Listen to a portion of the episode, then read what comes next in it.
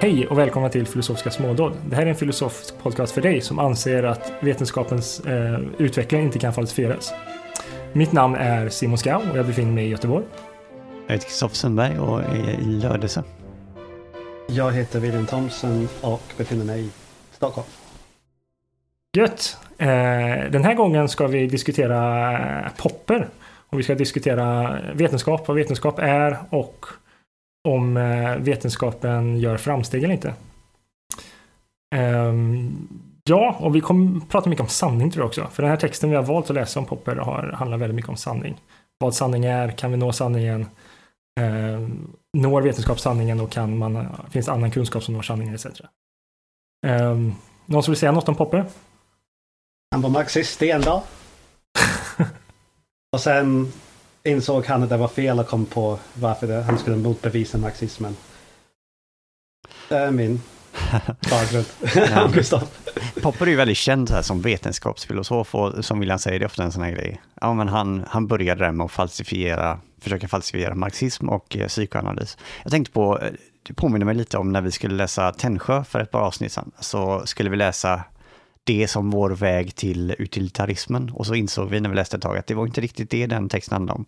Eh, och det var jag som valde den här texten och kanske blev det lite samma sak. Vi förväntade oss att få möta vetenskapsfilosofen Popper och han är känd för vissa saker. De här sakerna han är känd för är inte så tydliga i just den här texten, utan den här texten handlar lite mer om kunskap och sanning. Så det, det handlar typ om samma saker, men det är inte den här det är inte hans mest kända paradnummer om man säger så. Så kanske Nej, får vi en precis. lite annan popper än vad, vad som brukar eh, Men presenteras. den kändaste finns i en tvåvolyms bok som vi inte skulle läsa för idag. Eller så här, det skulle vara lite för mycket för att läsa tills idag. Vilken då? Vilken bok Alltså, menar du då? Logic of Scientific Discovery skulle det vara så. så Nej, det är bara en volym. Är inte en? Det är bara en volym. Den är... eh, Vem är det som... Nej men... Det är... eh, nu? Det Det är eh, Öppna Var- samhället och rätt fiender som är två volymer. Det är sant. Mm. Lo- det var faktiskt en bra introduktion av det där, för att det är väl två saker Popper är känd för. Å ena sidan är det här vetenskapsfilosofin, att han har en speciell syn på vetenskap och som utmärker vetenskap, som gick stick i stäv med den då rådande synen. Istället för att bekräfta saker så skulle man försöka motbevisa saker, att det var det fina. Sen är han också känd för hans försvar av eh, liberalism, frihet i, mot, ska man säga, auktoritära samhällen, så fascistiska eller eh, ja, vänster-auktoritära samhällen var han emot i det här öppna samhället och dess fiender. Så det är väl de två sakerna han är känd för. Men idag Mm. ska vi nog inte prata alls om hans politiska tankar, tror jag inte. Nej. Även om de går att relatera till varandra. Mm. Ja, jag tycker de är, det är väldigt konsekvent teori. Alltså både vetenskapen och själva ehm, politiska filosofin också. Jag tycker på något sätt de... Alltså man kan känna igen Popper i båda två. Jag tror det är helt rätt, för jag, jag tror att han hela tiden vill han vill alltid lyfta fram kritik som något av det bästa som finns. Något av det bästa vi människor kan ge varandra, vilket låter lite torrt kanske, men att, att just det här att ingen sitter inne på den stora, på svar, utan det är alltid bättre att höra andras åsikter. Och det, dels är det det han menar särskiljer vetenskapen, den här öppenheten, det här vetenskapliga samfundet kritiserar varandra. Och dels tror jag att det är det som han tycker är demokratins stora fördel över de här mer auktoritära systemen. Att istället för att det är en ledare som sitter inne med svaret så är det liksom ett samhälle, ett demokratiskt samhälle uppmuntrar oliktänkare att komma med kritik. Så att det är väl den röda tråden kanske som går igenom. Och det jag blev lite besviken av i just den här texten var flera gånger så var han extremt arrogant. Mhm. Eh, där han sa till exempel att ingen som förstår den här sanningsteorin skulle ehm, kunna säga emot det. Alltså alla som förstår det håller med. Um, och ett par andra saker som, som han sa, vissa saker var så självklara. Att jag tyckte det var så lite mer arrogant än, än hans ganska sympatisk syn på allt annat. Alltså saker ska falsifieras och så vidare. Men jag tyckte just Mm. hans språk och sätt att argumentera. Jo, men alltså det blir... Alltså han, han är väldigt svår på det sättet för att, alltså som man säger att... Eh, han påpekar flera gånger i den här texten till exempel, att man kan inte förvänta sig att, av, av en individ att de ska komma på något smart. Det spelar ingen roll hur smart du är, det är, inte, alltså det är ingen, ingen anledning för att du ska komma på en bra teori. Och sen hans, hans kriterier för vad en bra teori är känns som att det bara är en Ibermensch som klarar av nästan. Eh, bara en liten detalj där, Simon, när du säger att en individ inte kan komma på något smart, det tror jag är lite, lite starkt. Att han tror att individer kan komma på jättesmarta saker, men, jo, jo, jo, men inte liksom Nej, det rätt. slutgiltiga svaret. Att ingen är så Mm. smart att den inte tjänar på att höra andras åsikter. Men det ni säger Ja, är, jag, jag, den här arrogansen gick mig lite förbi och jag, kanske är det bara för att jag är så sympatisk till många av de här sakerna så att jag liksom, det blir lite, jag blir sämre på att upptäcka den här arrogansen kanske. Men eh, det finns en historisk eh, anekdot som stärker det ni säger. Popper han lyfter ju hela tiden fram det här hur viktigt det är att få kritik från andra och lyssna på andra och liksom, eh, ja, verkligen ta deras åsikter på allvar. Tydligen har jag hört sägas att han var riktigt usel som person på att ta kritik. Alltså vissa människor klarar inte riktigt av att höra kritik, de ska bli så här upprörda och slå ifrån sig direkt. Och, och jag har hört sägas så, så var han en sån människa, vilket är väldigt ironiskt då med tanke på att han eh, lyfter fram som ideal någonting annat. Men var det från Brian McGees bok du har fått det, eller? ja, precis.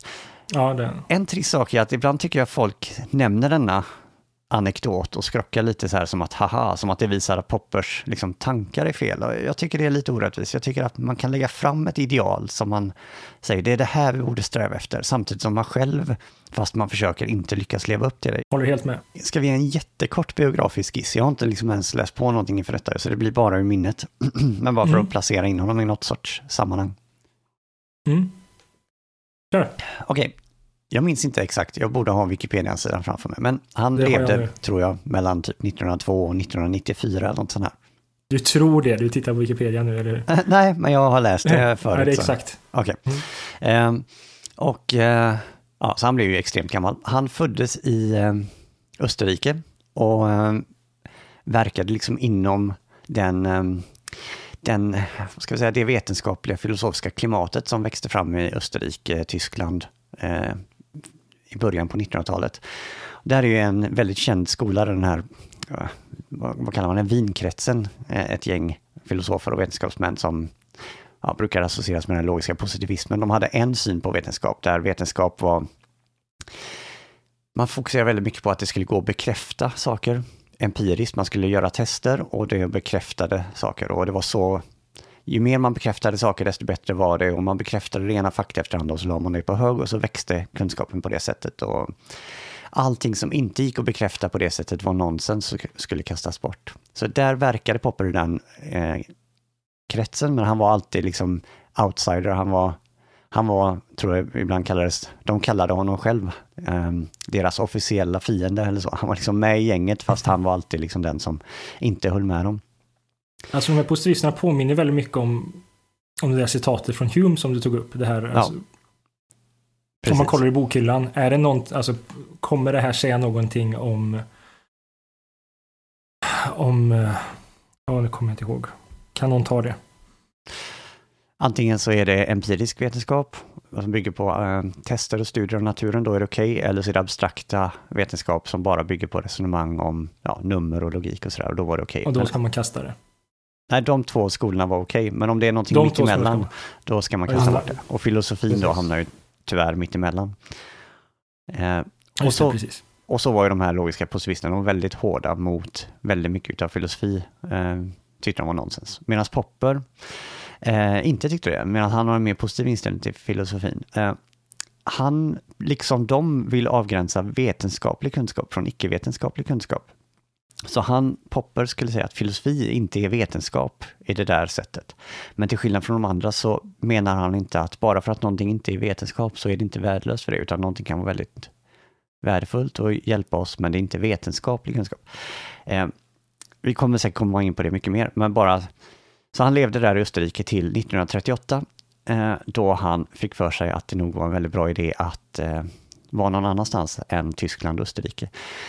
Popper var jude och då kan man kanske lista ut varför det inte var en så bra idé att befinna sig i Österrike 1938. Det fanns ju eh, ett gäng där som var väldigt kritiska mot judar. Det sägs att han kom iväg med sista transporten ut ur Österrike i sista stund med hjälp av, det var någon vetenskapsman som hjälpte honom, han och hans fru. Han hamnade ett tag i Nya Zeeland och jobbade där och sen fick han en inbjudan som han accepterade och hamnade i London och levde resten av sitt liv och eh, jobbade i England och bytte språk då från att skriva från tyska till att skriva på engelska. Och levde som sagt var till att bli väldigt gammal. Eh, jag minns, jag läste hans eh, självbiografi och då är det först ett förord där han säger någonting och sen massa, massa år senare så kommer ett nytt förord och han säger oj, ja, jag har levt så länge och det har hänt så mycket. Och här är lite nya uppdateringar som har hänt och hur jag skulle ändra mig nu och sådär. Och sen kommer ett tredje förord och han säger ja, det är helt uppenbart att jag har, lekt, jag har levt på tok för länge. Alla mina vänner är döda och jag förstår inte varför, det här, varför inte jag också är död ännu. Men ja, ja. Eh, han är jätteoptimistisk, det är jättekonstigt. Han är så här, ja, många säger det, kan du, det händer ändå så mycket hemskheter, men är du fortfarande så optimistisk? Och han är jättepositiv och en sak som han är extremt positiv till är att eh, han trodde aldrig att han skulle få leva och få uppleva Sovjetunionens fall och det tyckte han var en fantastisk utveckling att eh, Mhm. det gick så bra och att risken för ett stort världskrig nu var min, mindre än någonsin och sådär. Jag vet inte om han hade varit riktigt lika positiv om han hade levt idag. Jag vet inte. Det kanske, Nej. Han dog vid rätt tidpunkt då. Ja. Alltså Ja. 94, 95 där. Precis. Precis. Ja, gud.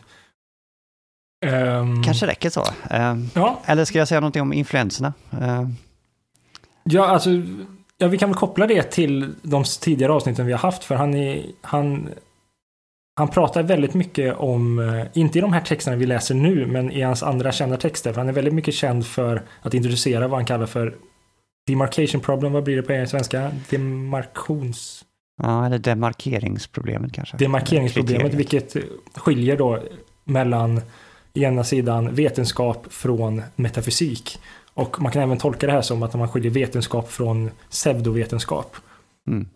Eller skilja vetenskap från filosofi. Man kan tolka det lite hur man vill. Eh, inte det kan man inte göra alls. Men han pratar, jag har i och för sig inte läst hela hans stora bok. Jag har bara läst precis början på Logic of Scientific Discovery. Men där pratar han om att skilja vetenskap från metafysik. Medan i läroböcker och liknande så brukar man prata om att skilja vetenskap från pseudovetenskap. Men som man ser så kommer de kommer fungera på samma sätt, metafysik och pseudovetenskap. Eh, och det, det vad heter det? Demarkation? Dekarmation? Nej, Demarkerings... kanske. demarkeringsproblemet är en följd av eh, Humes problem och Kants hantering av det problemet.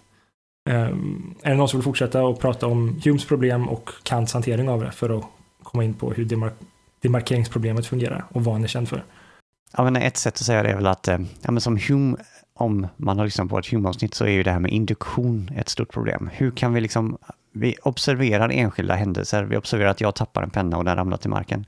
Eller att koppar verkar leda elektricitet vid ett tillfälle. Hur många sådana observationer behöver vi göra innan vi kan liksom säga att all koppar leder elektricitet? Eller vi kan göra allmänna slutsatser om gravitation och sådär. Det där tycks vara extremt problematiskt. Eh, att göra liksom allmänna slutsatser från enskilda eh, observationer.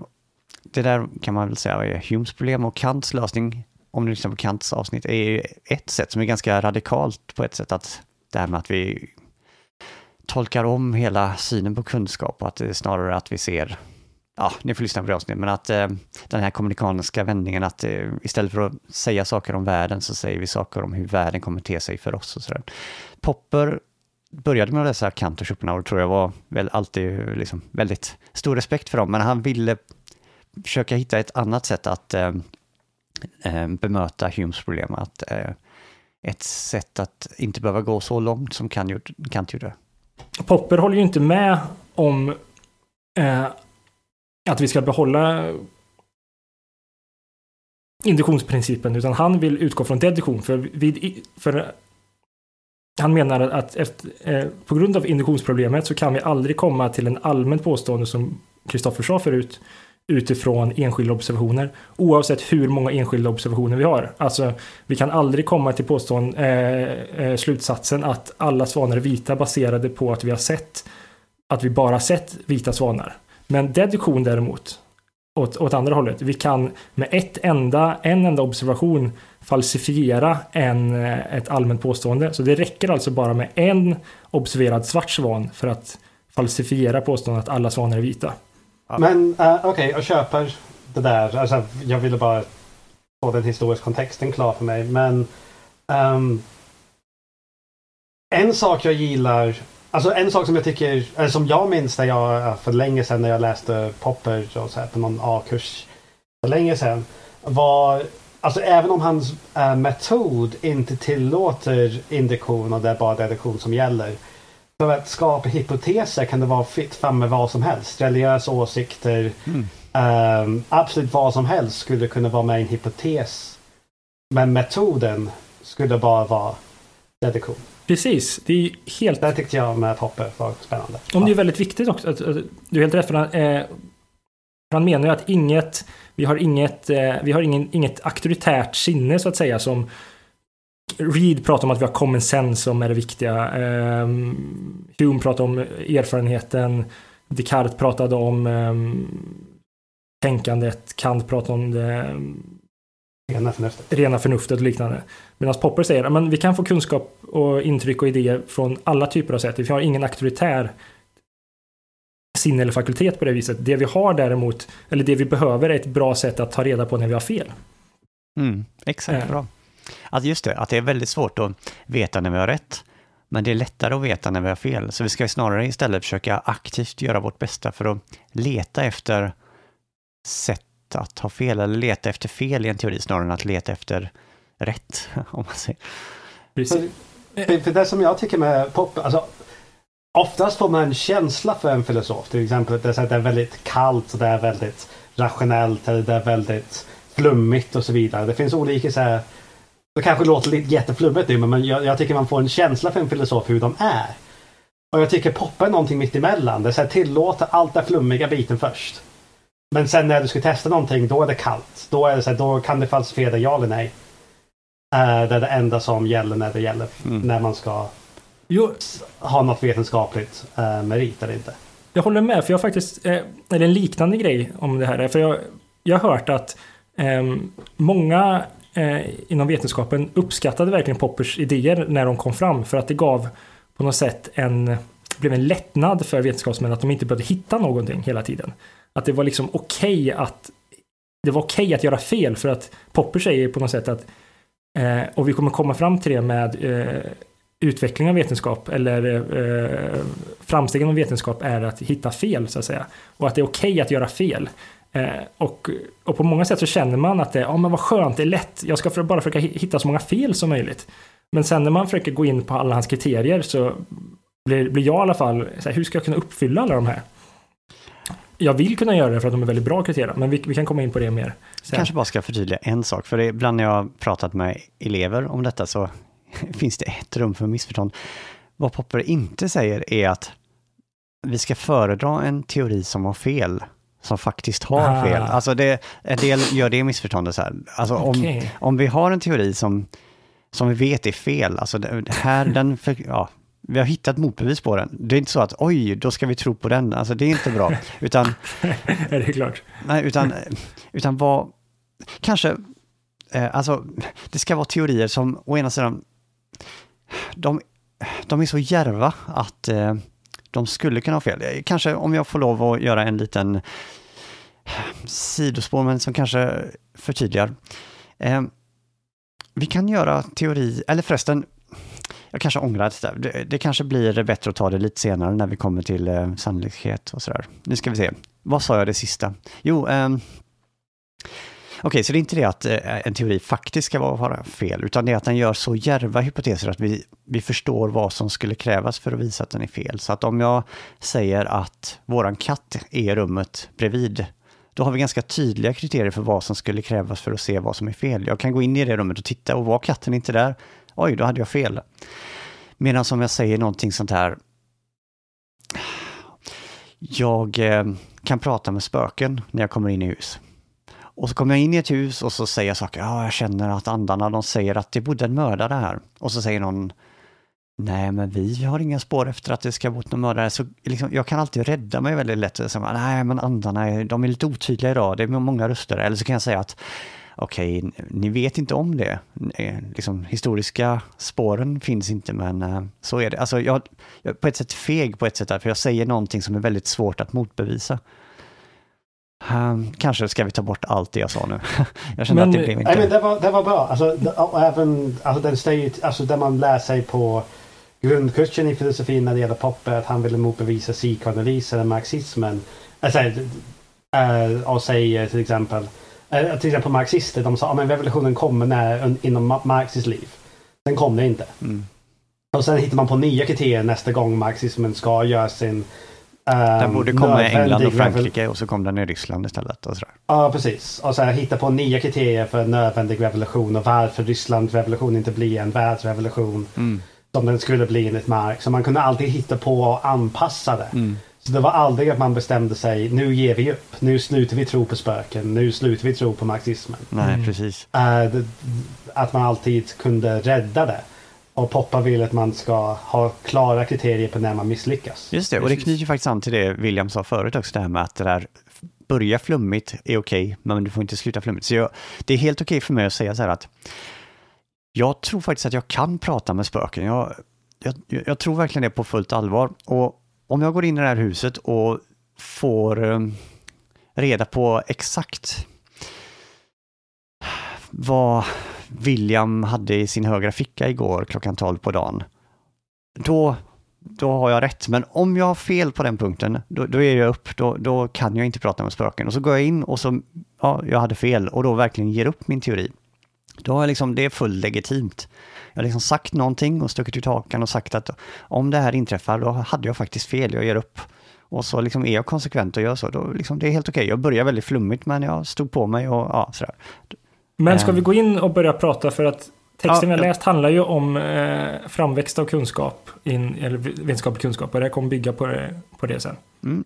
Okej. Så texten verkar ju vara en, han tänkte ha en föreläsning, typ 1960, men han hade den aldrig. Och det är det den här texten bygger på. Där han, och texten heter Truth, Rationality and the Growth of Scientific Knowledge. Sanning, rationalitet och vetenskaplig kunskaps framväxt eller eh, vad, Utveckling. Nej, utveckling. Ja, ja. faktiskt utveckling. Ja. Helt enkelt. ehm, Fast utveckling på ett pos med eh, positiv bemärkelse. Inte tillväxt. Tillväxt. Till, tillväxt är bättre Mm. ord. Ja, bra. Mycket bra. Så hans tes är väl helt enkelt att vi vet mer idag än vad vi gjorde igår. Och det blir bättre hela tiden. Vi vet mer och mer hela tiden, både vetenskapligt och kunskap, vanlig vardaglig kunskap. Alltså, Jag tycker att, eh, vi har diskuterat det lite på mejlen innan, men jag tycker att han ställer frågan, ni får ha, säga om jag har fel här eller inte igen, men att hans, han faktiskt nästan till sätter det som ett nödvändigt kriterie för att någonting ska vara vetenskap. Att det, eh, ehm, att det har en growth of noll, eh, framväxt, nej, sa vi? Vad heter? Tillväxt. Tillväxt. Tillväxt. Eh, att, att han sätter det som ett nödvändigt kriterie att eh, för något ska vara vet, klassas som vetenskap att det faktiskt har tillväxt av kunskap. mm, Och när ett vetenskapligt fält, ämne eller teori, jag- det är svårt att veta exakt vad han menar, eh, när den slutar ha tillväxt under en viss tidsperiod så slutar den också vara klassad som vetenskaplig.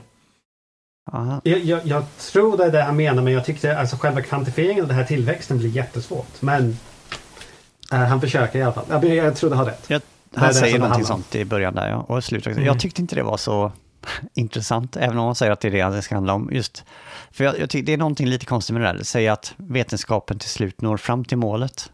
Den perfekta vetenskapen och det råkar vara så att den har liksom nått hela vägen. Den är helt perfekt sann. Liksom på något sätt skulle jag fortfarande vilja säga att den kunskapen som då vi har, inte för att den, det stadiet kanske är möjligt, men om det är möjligt, den kunskapen vi då sitter på skulle fortfarande vara vetenskaplig kunskap för att den är grundad på rätt saker. Så jag tycker det är lite problematiskt det påståendet, men Ja, han, han försöker ju hantera det på ett väldigt, på ett sätt så gör han det väldigt bra. Han gör det enligt, sitt, enligt sina falsifieringsvillkor. Han lägger fram en väldigt um, vågad påstående, vilket är det, att ett nödvändigt villkor skulle vara det här. Eh, och sen så försöker han argumentera för det, men han, han hanterar det genom vad man kallar en eh, auxiliary hypothesis. Vad, vad är det på svenska? En, eh, han, Stödhypotes. han lägger till en stödhypotes, vilket han kritiserar annars. Att man kan alltid lägga in en stödhypotes. Hans stödhypotes är att vi aldrig kommer komma fram till den perfekta kunskapen, eller sa sanningen. Jag fattar inte vad det är med mina svenska kunskaper idag. Det, jag tycker jag vill bara lägga till det här. Jag tycker det är väldigt bra. du har tagit dem från Simon. Simon använder ordet hypoth- eh, nej, hybrid istället för det svenska ordet hybrid. Man tycker att det finns ju en ganska bra svensk motsvarighet annars. nej, nej. Jag tycker inte, jag tycker inte att hybrid är en bra översättning på hybrid. Ehm, Ja, nej men Simon har ju helt rätt. Det, han säger ju så. Jag tycker att just det där inte var eh, det som jag tyckte var så intressant. Alltså, att, Nej, och det är helt okej. eh, jag tycker... Alltså ja. jag... Um, ja, förlåt. Vad, vad tyckte du var intressant, Kristoffer? Nej, mer allmänt det där att eh, kunskap faktiskt kan växa och det är på det här sättet det växer. Alltså det var det jag tog med mig och det är det jag tycker han pratar om mest. Men huruvida det där också är ett nödvändigt villkor för att någonting ska vara vetenskap, jag bara, nej, jag vet inte. Nej, Ja, jag, jag fick en känsla av, och det här är en, en ganska välkänd kritik som han till och med bemöter i texten, att det här är en handbok för vetenskapsmänniskor.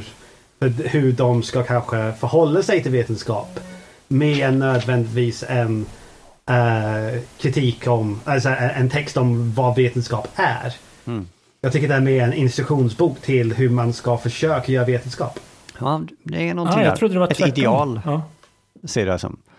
Ja, precis. Det här skrev jag i stora bokstäver. På, någonstans i texten, det här var ideal. Ja. Mm. Ehm, Ska vi, prata, inte hur. ska vi prata Ja. om kon sen i framtiden också? Nästa avsnitt va? Okej, ja, för där är ju en lite annan, mer, vad ska man säga, lite mindre vacker syn på vetenskap om jag får säga så, lite mer stökig. Alltså, ger en mindre fin bild av vad vetenskapsmän och kvinnor gör, kanske. Men eh, vad jag skulle säga är att kon är mer intresserad av hur det faktiskt går till, medan Popper mer lyfter fram ett fint ideal. Det här borde vi sträva efter. Hur det ska gå till. Mm. Precis. Ah, jag tycker kun är mycket, mycket bättre. Än jag ska vara. Ehm, ska vi gå in på texten? Yes. Gött. Ehm, ja, han börjar helt enkelt med hans... Han säger det här som vi har kommit in, sagt att han har det här som målet att försöka visa det här, den här tesen. Eh, sen om han gör det eller inte är en annan sak. Hur han går tillväga är... Vi kommer försöka vara rätt kronologiska i, det här, eh, i den här diskussionen. Så i första delen, vad pratar han om då? Det här var mest instruktionen till vad han vill prata om. Han pratar, ska vi ta upp lite och prata om och vad ni tycker om det? Att han, att han menar att en, en bättre teori, en bättre vetenskaplig teori, en teori som är mindre sann, sannolik. Just det, och då pratar vi om kapitel 2 nu då, inte? sida 294. Ja, precis. Det där låter väldigt kontraintuitivt och han tror ju att folk kommer att reagera väldigt negativt när han säger så.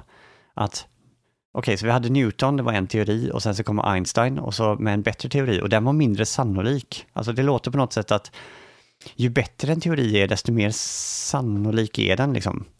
Eh, det låter som att om jag tar en helt skogstokig teori, för att använda mitt patenterade ord skogstokig, som att eh, istället för Newton så ersätter vi med att ja, det är magiska krafter i pyramider och om man dricker te då faller pennor upp. Alltså det, är en helt, alltså det där låter ju helt osannolikt. Eh, så det är en användning av ordet. Eh, Popper menar ju någonting väldigt speciellt, eh, och vilket gör att det han säger eh, funkar. Jag hade så smått förberett, förberett, inte i betydelsen skrivit ner, men tänkt ett eh, exempel som kanske illustrerar det. Eh, säg till om ni vill sticka med emellan med något annat innan. Kör. Kör, jag kanske reagerar till exemplet för jag har något att säga om det här. Okej. Men, Jo, eh, jag tror att tanken skulle kunna illustreras på det här sättet. Säg att jag, Kristoffer, har funnit härskarringen, Saurons ring, den som alla vill ha åt. Liksom, den ger jättemycket makt. Men för att... Jag vill gärna ha den själv, men jag eh, vill inte använda den. Jag, så jag, jag gömmer den någonstans i universum. Så Sauron, mörkrets första, skickar ut sina två främsta ondskefulla tjänare, Simon och William, att leta efter denna härskarring så att han kan återta sin forna kraft. Eh, Å ena sidan skulle Simon och William kunna rida runt i Midgård, likt som Svarta Ryttarna och väsa Shire Baggins och sådär och se allmänt uttäcka ut. Men de är smartare än så och framförallt är de latare än så, så de orkar inte ge sig ut i fält utan de sitter hemma på kontoret och grubblar istället och kastar fram djärva hypoteser. Simon, den något mer försiktiga av de två, börjar med följande djärva hypotes. Kristoffer har gömt ringen någonstans i universum. Den teorin är ju antagligen typ sann. Jag menar, jag har faktiskt gömt den någonstans i universum. Men hur djärv är den egentligen? Alltså, den är lika sann som den är tråkig. Den är extremt sannolik. Jag menar, chansen att den är sann är ju... Om universum är allt som finns, ja, då är den 100 procent. Men den är också så otroligt långt ifrån, alltså den är så lös hållen till det slutgiltiga svaret vart ringen faktiskt är.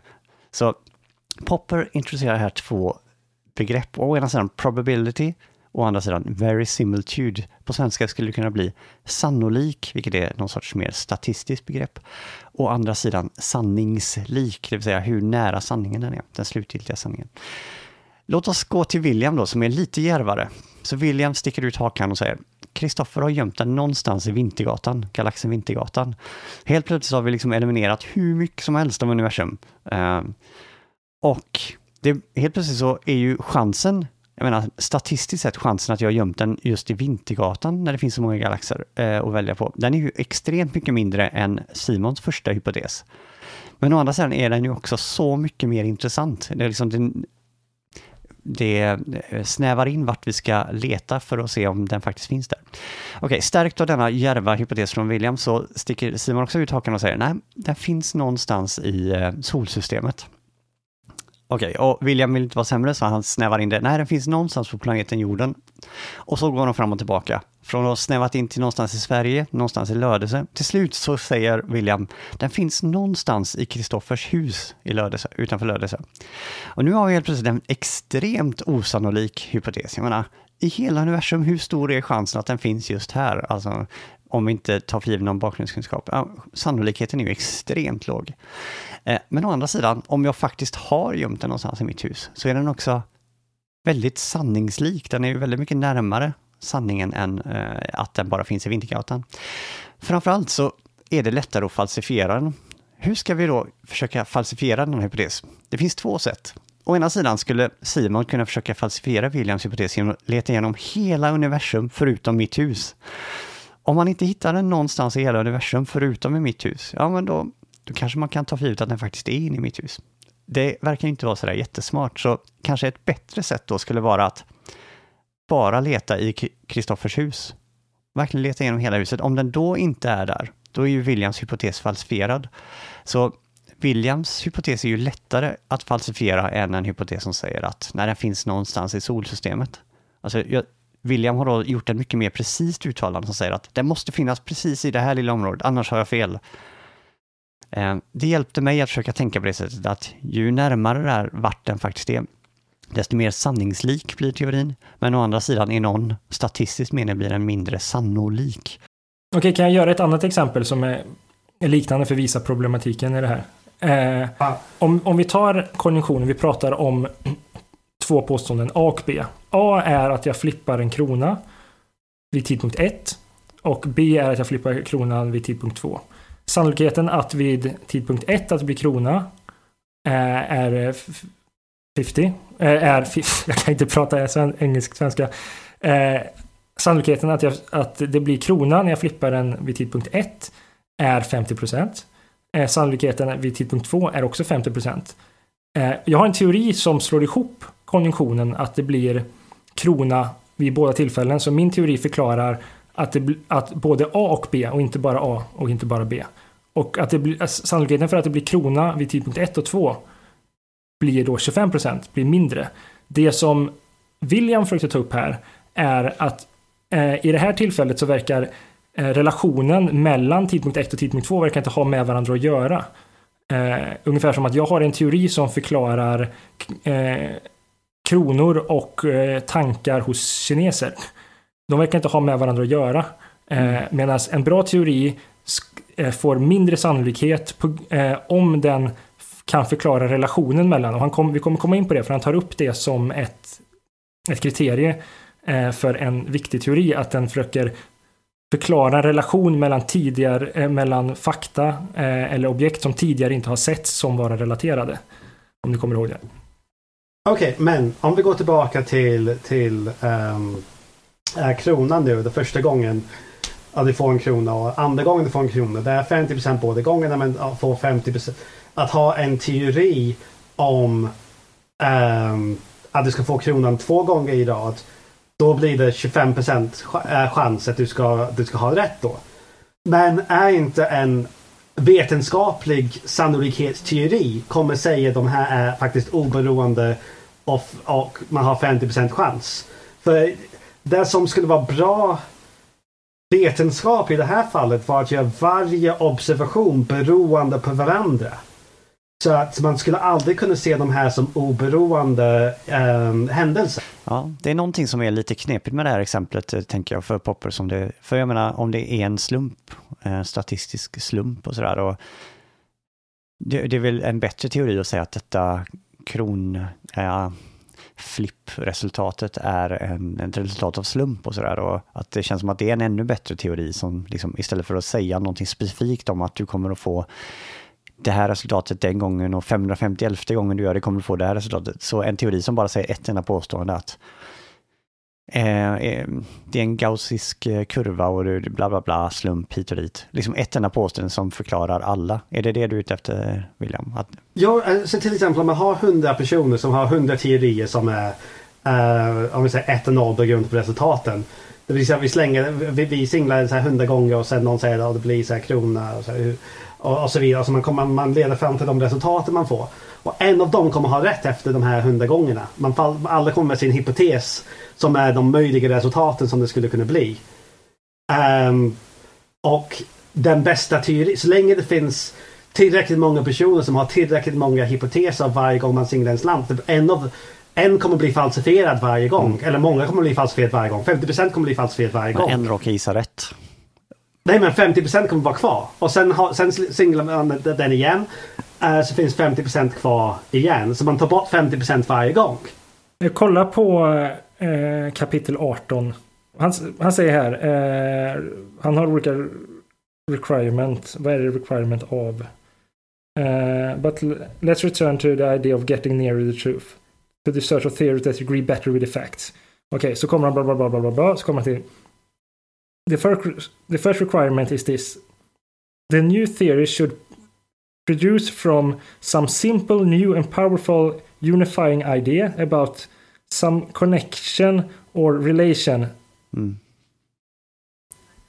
Such as gravity attraction between hitherto unconnected things, such as planets and apples, or facts such as inner. Okay, kan inte läsa. Står det? Inertial and gravitational mass and new theoretical entities such as fields and particles. Det här är bara ett exempel på... Mm. Jag tror det är så att han vill möta Williams kritik, eh, men ja. det är någonting... Men det är just det här att man försöker leta efter relationer som jag tycker är på... När det kanske inte finns en relation. Nej, mm. det är en slump. Men äh, det är någonting där eh, William sätter fingret på. Hur, sättet han uttrycker det där i början låter som att det öppnar upp för en att det skulle vara en väldigt fin förklaring, en som bara råkar gissa rätt hur myntet kommer falla en, på en miljon försök. Och den blir inte falsifierad på alla dessa miljoner försök och då var det en extremt osannolik hypotes. Och så på mm. något sätt så verkar mycket av det han säger implicera att den är väldigt bra, men samtidigt det han säger i slutet där verkar ju då mer säga att nej, det är inte en bra. Eh, men det är någonting med hans formulering där som... Alltså den är bra i så sätt att det är så vi ska gå tillväga. För att det, alltså men det är fortfarande inte bra eftersom den inte, den inte, den inte är rätt. Vi får, vi får inte förväxla bra, rätt och sant. Det är skillnad mellan bra, rätt, sant, sannolik och sannolikt. Mm. Men det är det som... Hur vet vi att om vi... Till exempel det finns två olika sätt man kan se det här. Att det ena är att vi försöker hitta en relation varje gång vi äh, singlar en slant. Det andra är att vi kommer med sannolikhetsdistributioner och gaussiska kurvor. Det är två olika sätt att kunna se på den här händelsen. Mm. Och jag tycker inte hans kriterier på vetenskap, och nu går vi alldeles långt för framåt nu, kan, kan skilja på perspektiv på de här sakerna. För det ena påstår det finns en relation, det andra påstår det inte finns en relation. Såklart man kan försöka motbevisa det inte finns en relation men om man har tur det är möjligt man, man har en relation. Mm. Um, det är djärvare att postulera um, rela relationer. Kan ja. vi inte komma tillbaka till detta? Eh, för det är ett, ett bra mm. exempel att ha i bakhuvudet medan vi går vidare här. Yep. Yes, för det, jag, jag kan hålla med om att eh, om det blir så som William säger här så är det en absolut en skönhetsfläck på den här teorin. För att det, ja, så som han säger i slutet, att det snarare är en enhet och en, en enkel förklaring. Så här, det låter ju mycket vettigare än att nej, den bästa hypotesen är en som har en jättelång siffer. Den säger att myntet kommer hamna så och sen kommer det hamna så och, så och så råkar det också inte bli falsifierad på en miljon försök. Det är någonting väldigt fult med en sån hypotes. Om det är en vacker vetenskaplig hypotes, då är det någonting som inte är riktigt bra. Mm. Ja, ursäkta, det var mest att jag Nej. ville ha klargörande om en viss fråga. Sen blev det en invändning och det var inte som det var tänkt. Jo, men det är väldigt bra för att jag, när jag läste det här så tyckte jag han har ju så rätt. Det här är ju fantastiskt. Men Mm. i ditt kritiserande och mitt försök att förklara så inser jag att jag inte riktigt förstått det. För jag kan inte riktigt förklara det. Alltså min kommentar vid ekvationerna där, och du tyckte du tyckte det var så fint och bra. Jag skrev bara handwaving. Va? Jag tyckte var, när jag läste det tänkte jag att han är så tydlig. Men det är någonting ändå som är, tycker jag, väldigt eh, intuitivt. Och det kanske är, om man säger det, är det två sätt tror jag, att uttrycka samma tanke. Ett negativt och ett positivt. Om man säger negativt, det är handwaving, det är, ja men, ni vet ungefär vad jag menar. Det är liksom någonting dåligt. Det är ju inte så vi, vi borde sträva efter bättre, vi som är filosofer och vetenskapsmän. Men på ett positivt sätt att uttrycka det är att ja, man sätter fingret på någonting där som ändå känns intuitivt väldigt rimligt, nämligen hur Einsteins teori på något sätt ändå är djärvare än Newtons. Den kan liksom allt det som Newtons fick rätt får den också rätt. Men den kan också få rätt. Den säger ytterligare saker som måste vara fallet och får rätt där också. Alltså, den är ytterligare lite mer precis. Så det är på no ja. Ja men okej. Men, men tänk om... Um, för, för jag var osäker vad o, mer osannolikt betyder. För till exempel osannolikt skulle kunna vara en enklare förklaring. För det är så här, hur kan någonting så komplicerat vara så enkelt? Så till exempel, säg vi hittade Einsteins fysik först. Och sen kom Newton. Mm. Um, men vi inte hade möjlighet att testa eh, där Newton skiljer sig från Einstein i, vid ljusets hastighet och så vidare. Så säg att vi hade Einstein först. Och sen Newton kommer med någonting lite enklare ekvationer. Är det mindre sannolikt eller mer sannolikt? Han tar ju upp det i slutet att det finns stunder antagligen där Einstein och Newton är lika sanningslika. För att vi har inte hunnit, bägge två för, gör två olika förutspåelser vart vi kommer att hitta Merkurius i omloppsbana kring solen. Ja, jag, jag pratar inte om sannolikt nu, det är sannolik. Mm. Ja, man kan säga att de är inversa och så vidare, men Just det, jag tror att Einsteins är mer sanningslik för att den gör förutsägelser som eh, Newtons inte gör. Men jag är lite osäker på detta. New- Newton kör förutsägelser om hur ljuset ska, hur ljuset ska bete sig. Eller hur, ja, ljus, hur gravitation vid ljusets hastighet ska bete sig. Det är bara fel. Alltså den, den, gör, den, den säger hur den ska bete sig i de här ekvationerna. Mhm. Det är bara att den inte tar hänsyn till uh, ljusets hastighet lite konstig. Så att ehm, den, böjs, den böjs inte som jag förstår det. Okej, om Alltså- det är så, då tror jag att Popper skulle vara tvungen att säga att de är egentligen lika osannolika. Men... eh, Fast eh, det som är grejen är väl att jag kan inte fysik, det är därför det är så jobbigt att läsa de här texterna. Men eh, det Einstein gör att han förklarar även Galileos teori och eller Keplers teori och, eh, och Newtons. Så, Alltså, och Newton, medan Newton bara förklarar Newton. ja, men, men som. William, det var sättet William la upp detta exempel för att i vår värld är det ingen tvekan om att Einsteins teori var bättre. Men William postulerade att innan vi har hittat de här sakerna som skiljer dem åt, alltså de empiriska, Mm. Till exempel som att bägge, de två teorierna gör två olika förutsägelser vart vi hittar Merkurius på himlen. Det råkar visa sig att Newtons inte stämmer. Merkurius är inte där Newtons teori förutsäger att den ska vara, medan den är där Einsteins teori förutsäger. Um, det, så det är inget snack om saken om att uh, Einsteins är bättre, givet vad vi idag vet. Men om, om vi upptäcker bägge två teorier parallellt innan vi har kunnat göra de här två utslagsgörande testerna, är de Mhm. då lika osannolika? Är, är Nej, det är till, de exempel, inte. ja, till, till exempel om Newton och Einstein fa- eh, kom med sina teorier till samma konferens och la fram dem. Mhm. Och de har samma, de båda funkar till samma data som de har. Det finns ingen mer data förutom de, deras två data. Vilket är det mindre osannolikt? Är det den som är den eleganta, alltså enklare Newton eller mer komplicerade Einstein? Um, Alltså det med, så här, vad är mer osannolikt verkar väldigt relativt. Det är kanske det som jag försöker säga. Kanske när vi har kommit in på sanning sen och, och du vet eh, hur många sanning, sanna påståenden de innehåller. Kanske kan vi säga någonting mer om det. Men jag tror att Okej. eh, vad Popper skulle säga är att det är möjligt att de var vid en tidpunkt lika sannolika, osannolika. Nej, det kan de inte vara. Låt oss komma tillbaka, för jag tror Vi jag har ett citat tillbaka. där han säger det. Mm. Bra, vi, men Okej. vi behöver gå, jättebra, vi behöver gå vidare. Vi går in på sanning tycker jag och pratar om sanning och varför sanning är viktigt. Varför är sanning viktigt? Det var en bra fråga. Vad säger du om det? Eh, Det är sant att sanning är viktigt. Mm. Eh, Okej, det är ju så att han pratar ju om... Han vill prata om eh, tillväxten av kunskap. Men han, för honom är det också väldigt viktigt att, eh, vi, att det finns en sanning. Och han, han, han köper korrespondensteorin om sanning. Och det här kommer väl bli en eh, intressant diskussion gissar jag. Baserat på tidigare diskussioner. Ehm, och att eh, på grund av att korrespondensteorin om sanning stämmer så kommer han även komma fram till att eh, när han säger så, så kommer teorier så behöver vetenskapliga teorier eh, ha tillväxt. Nej, Ja. så säger han inte alls. Vad är det han säger? Två saker är det väl. Å ena sidan, han säger att sanning är korrespondens mot den här oberoende världen, mot fakta. Mm. Okej, så då vet vi vad sanning är. Växer, hur växer vetenskap? Jo, man skulle ju kunna tänka sig att den växer för att den, om den gick från att vara falsk till att bli sann, det är ett uppenbart sätt på hur någonting har liksom förbättrats. Men han vill ju tillåta grader, inte bara att det går från att vara falskt till att det blev sant, utan han vill tillåta att den växer och blir mer och mer mer och mer sann, fast det kan man inte säga, utan mer och mer sanningslik. Den kommer närmare sanningen. Så Och givet... från, och från hans fallibilism så kan vi aldrig veta att vi har nått sanningen heller.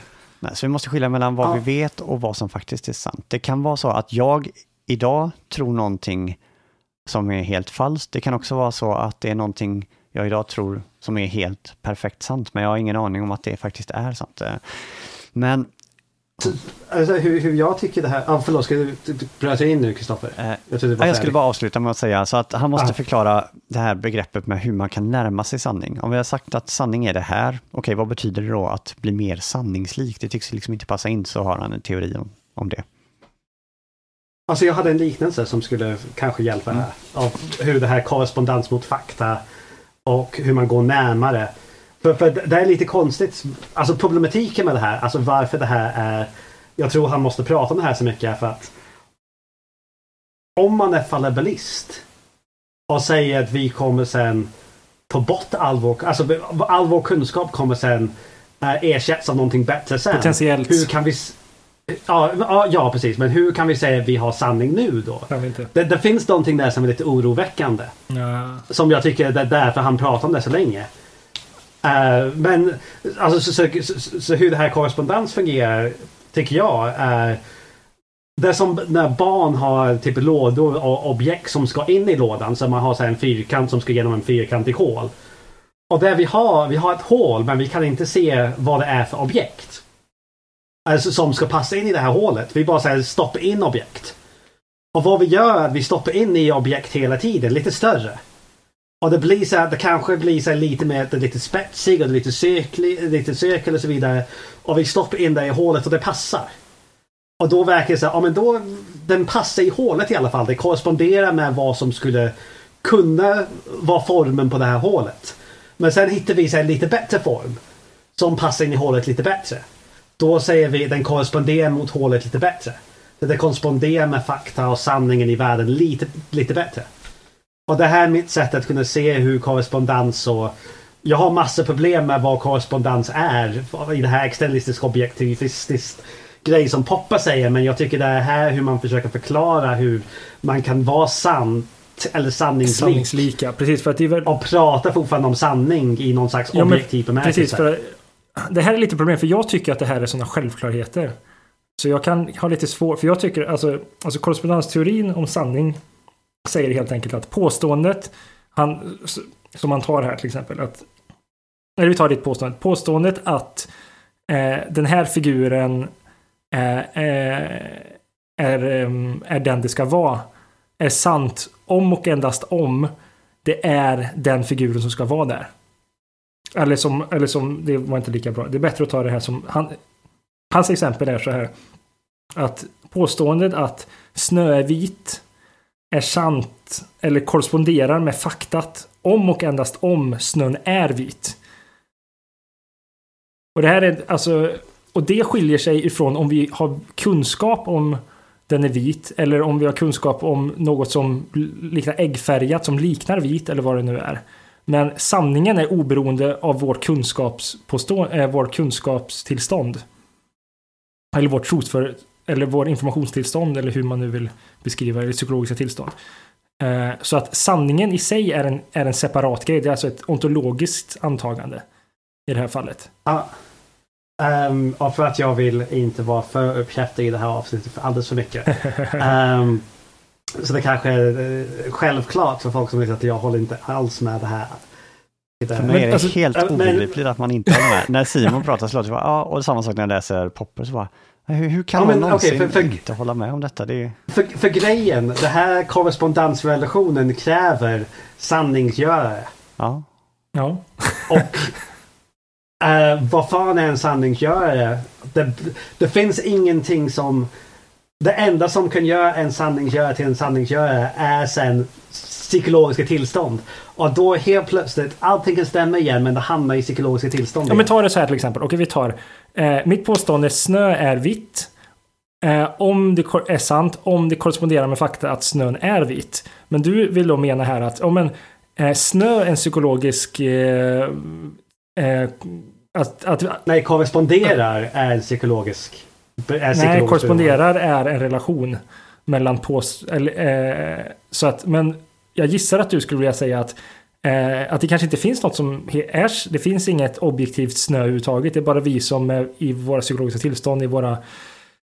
Det finns bara eh, bilder inne i vårt huvud.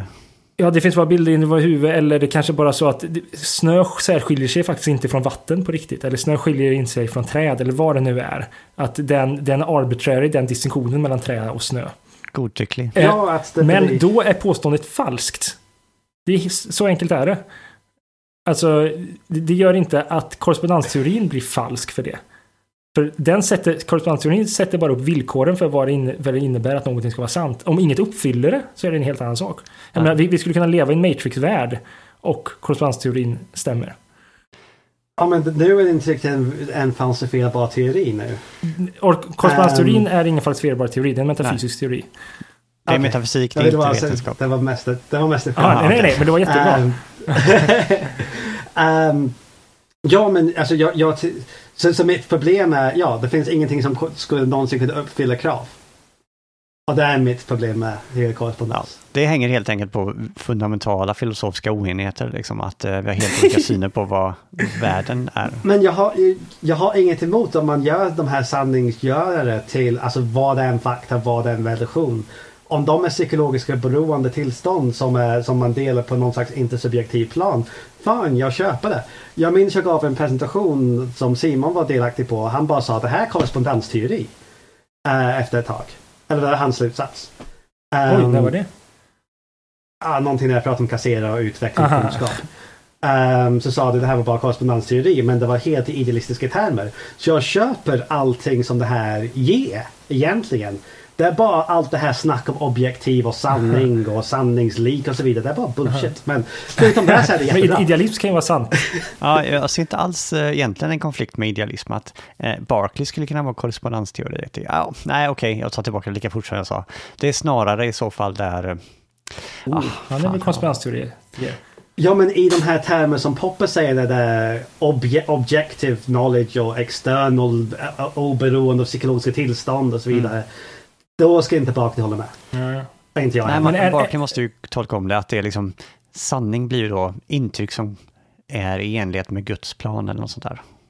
Um, men, men, alltså hur, hur, vi får kunskap köp är ju är, är väl Popper väldigt lik pragmatisterna eller lik James eller liknande. Ja, och även koherens. Han säger att eh, ja. när vi bara pratar om vad vi ska tro och eh, sådär, det är visst, koherens är jättebra. Men vad som är sant, det är inte koherens, att våra, på, våra teorier hänger samman och inte säger emot, utan det är korrespondens. Det är liksom världen där ute som bestämmer om vi har rätt eller inte. Det är inte jag som bestämmer och det är inte mitt samhälle som bestämmer och det är inte jag och alla andra människor utan det är världen, det är universum som bestämmer om jag hade rätt eller fel min relation med världen som bestämmer om jag har rätt eller inte. Mm. um, men om jag har en felaktig relation så är det ju, jag menar om jag hallucinerar och tror att det är snön, är, eller har en illusion och, och jag ser att snön är eh, grön. Och det är min relation till världen så att säga, så kommer jag ha fel när jag säger att snön är vit. Nej, snön är grön. Men jag kommer ha rätt när jag säger snön är vit. Även om jag inte har något belägg för att säga att snön är vit. Då. Jo, men om hela mänskligheten har en grupp evolutionär hallucination just nu. Yep. att snö är vit trots att snö är grön. Mm. Då har alla fel. Eller har alla rätt i relation till människor? Som i människans... Från människornas perspektiv så är faktan snövit. Ja, rätt, jag kommer inte ihåg vad jag sa, men du, du, de, man kan ha rätt i sin intersubjektiva community. Eh, men, man har men man har inte sagt något sant för det. Eh, Det är sant, men då förnekar jag sanningen i så fall. Ja, Popper, en konsekvens av realism och popper är ju att alla skulle kunna ha fel. Medan om man har en mer, vad ska man säga, mer kunskapsaktig syn på sanning, det vill säga att mer våra- pragmatistiskt där. Ja, pragmatism eller, fast jag, jag måste säga att jag förstår aldrig pragmatism. Jag, men det är en annan, jag tror att den kokar ner till antingen idealism eller till, eh, till antingen koherens eller till korrespondens. Jag tycker det är en sån här mellanposition som inte håller. Men säg, om man har en koherens så betyder det att vi kan inte ha fel. Så länge vi har en koherent teori så, så är den sann. Ehm, det här påståendet att allting vi tror oss veta är falskt, det liksom går inte att göra i de här andra systemen. Men en följd av poppers och realismen är att vi skulle faktiskt kunna ha fel allihopa. Okej, Men skulle vi kunna ha någonting väldigt os... Alltså enligt det här så verkar det som att vi kommer... Det är väldigt osannolikt och då kanske det blir jättesant. Men är det väldigt osannolikt att vi tenderar mot någonting mindre sanningslik. Alltså han säger i slutändan så kommer vi, även om det inte är en historisk nödvändighet, det är han väldigt försiktig med att säga, men att vi ändå kommer tendera mot um, är mer sanningslika teorier. Just för att vi är förnuftiga och vi bedriver empirisk vetenskap. Vi är duktiga på att kritisera. Och den förmågan att kritisera och förstå vad kritiken innebär gör att vi är duktiga på att hitta fel. Och ju mer fel vi hittar, desto mer rätt har vi. fast här har man ju, alltså det här är ett sätt för att föra vidare diskussionen på det ni säger, men och koppla tillbaka vad vi sa förut. Säg att eh, Sokrates föreslog Einsteins relativitetsteori först. Och sen så lyckades Aristoteles motbevisa den. Säg inte hur, han gjorde det i alla fall. Eh, och sen så fortsätter idéhistorien, liksom, tänkte jag att den går baklänges så att säga. Så att idag så, så postulerar vi aristotelisk eh, fysik medan Aristoteles postulerade Newtons. Men man har lyckats motbevisa den hela tiden.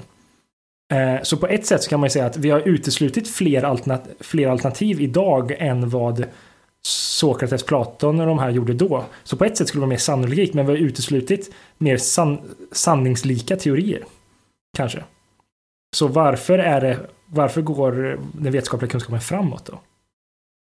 Enligt Popper. Det är ju nästa steg att en teori 1 är bättre än en teori 2 om den innehåller fler sanna påståenden och mindre falska. Ett citat som kanske säger någonting som jag försökt säga förut. Han säger, en teori kan vara sann även om ingen tror den. Och även om vi inte har någon anledning att tro att den är sann.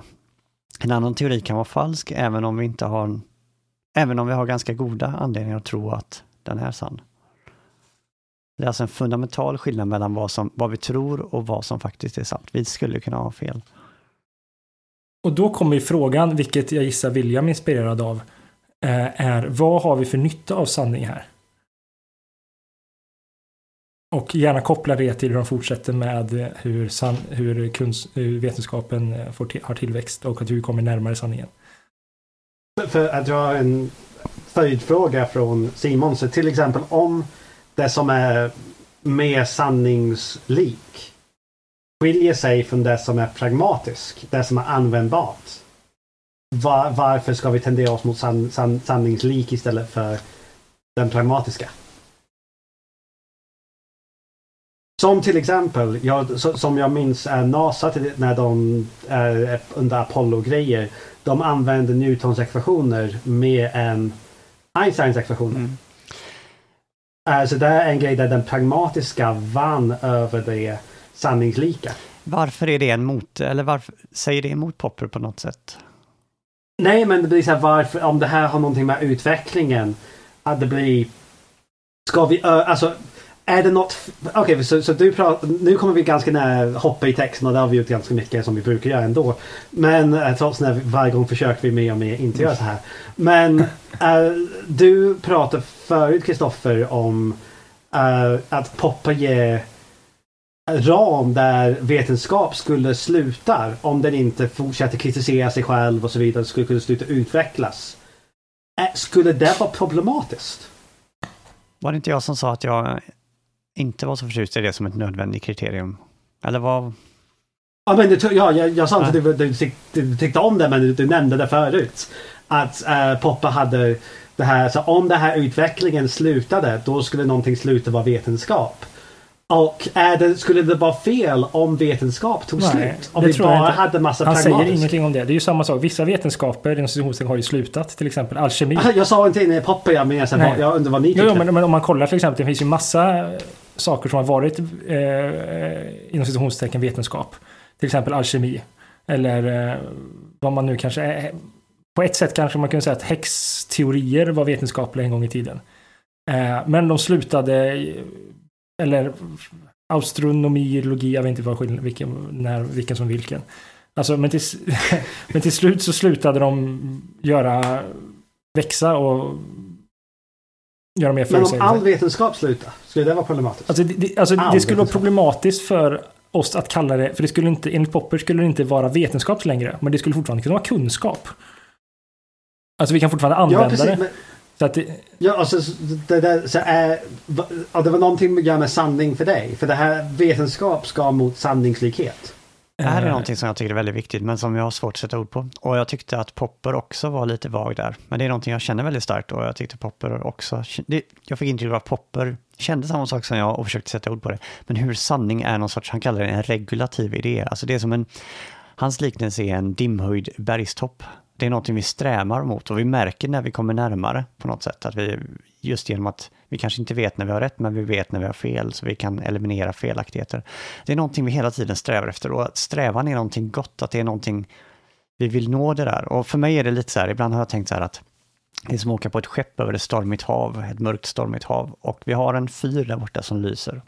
Och just att vi har fyren där borta som lyser gör att vi, vi tar sikte mot den och strävar mot den, även om vi kanske aldrig når den så är det någonting vi hela tiden går. Men eh, det där är inte riktigt ett argument så mycket som att det är en personlig iakttagelse. För mig är det så här att jag vill förstå världen, jag vill, jag vill, jag vill veta svaret, alltså det sanna svaret. Det är inte bara så att ah, någonting gott nog som gör att jag åtminstone kan ta mig ner till eh, ICA och köpa mat. Nej, jag vill veta liksom för vetandets skull och det är inte bara för någon praktisk nytta att jag ska tjäna pengar på det, utan nej, jag vill veta liksom svaret om universum, livet och allt.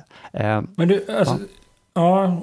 Om vetenskap inte utvecklas. Om vi bara säger nästa generation. De ska bara göra experiment för att verifiera. De ska bara upprepa alla experiment vi har gjort.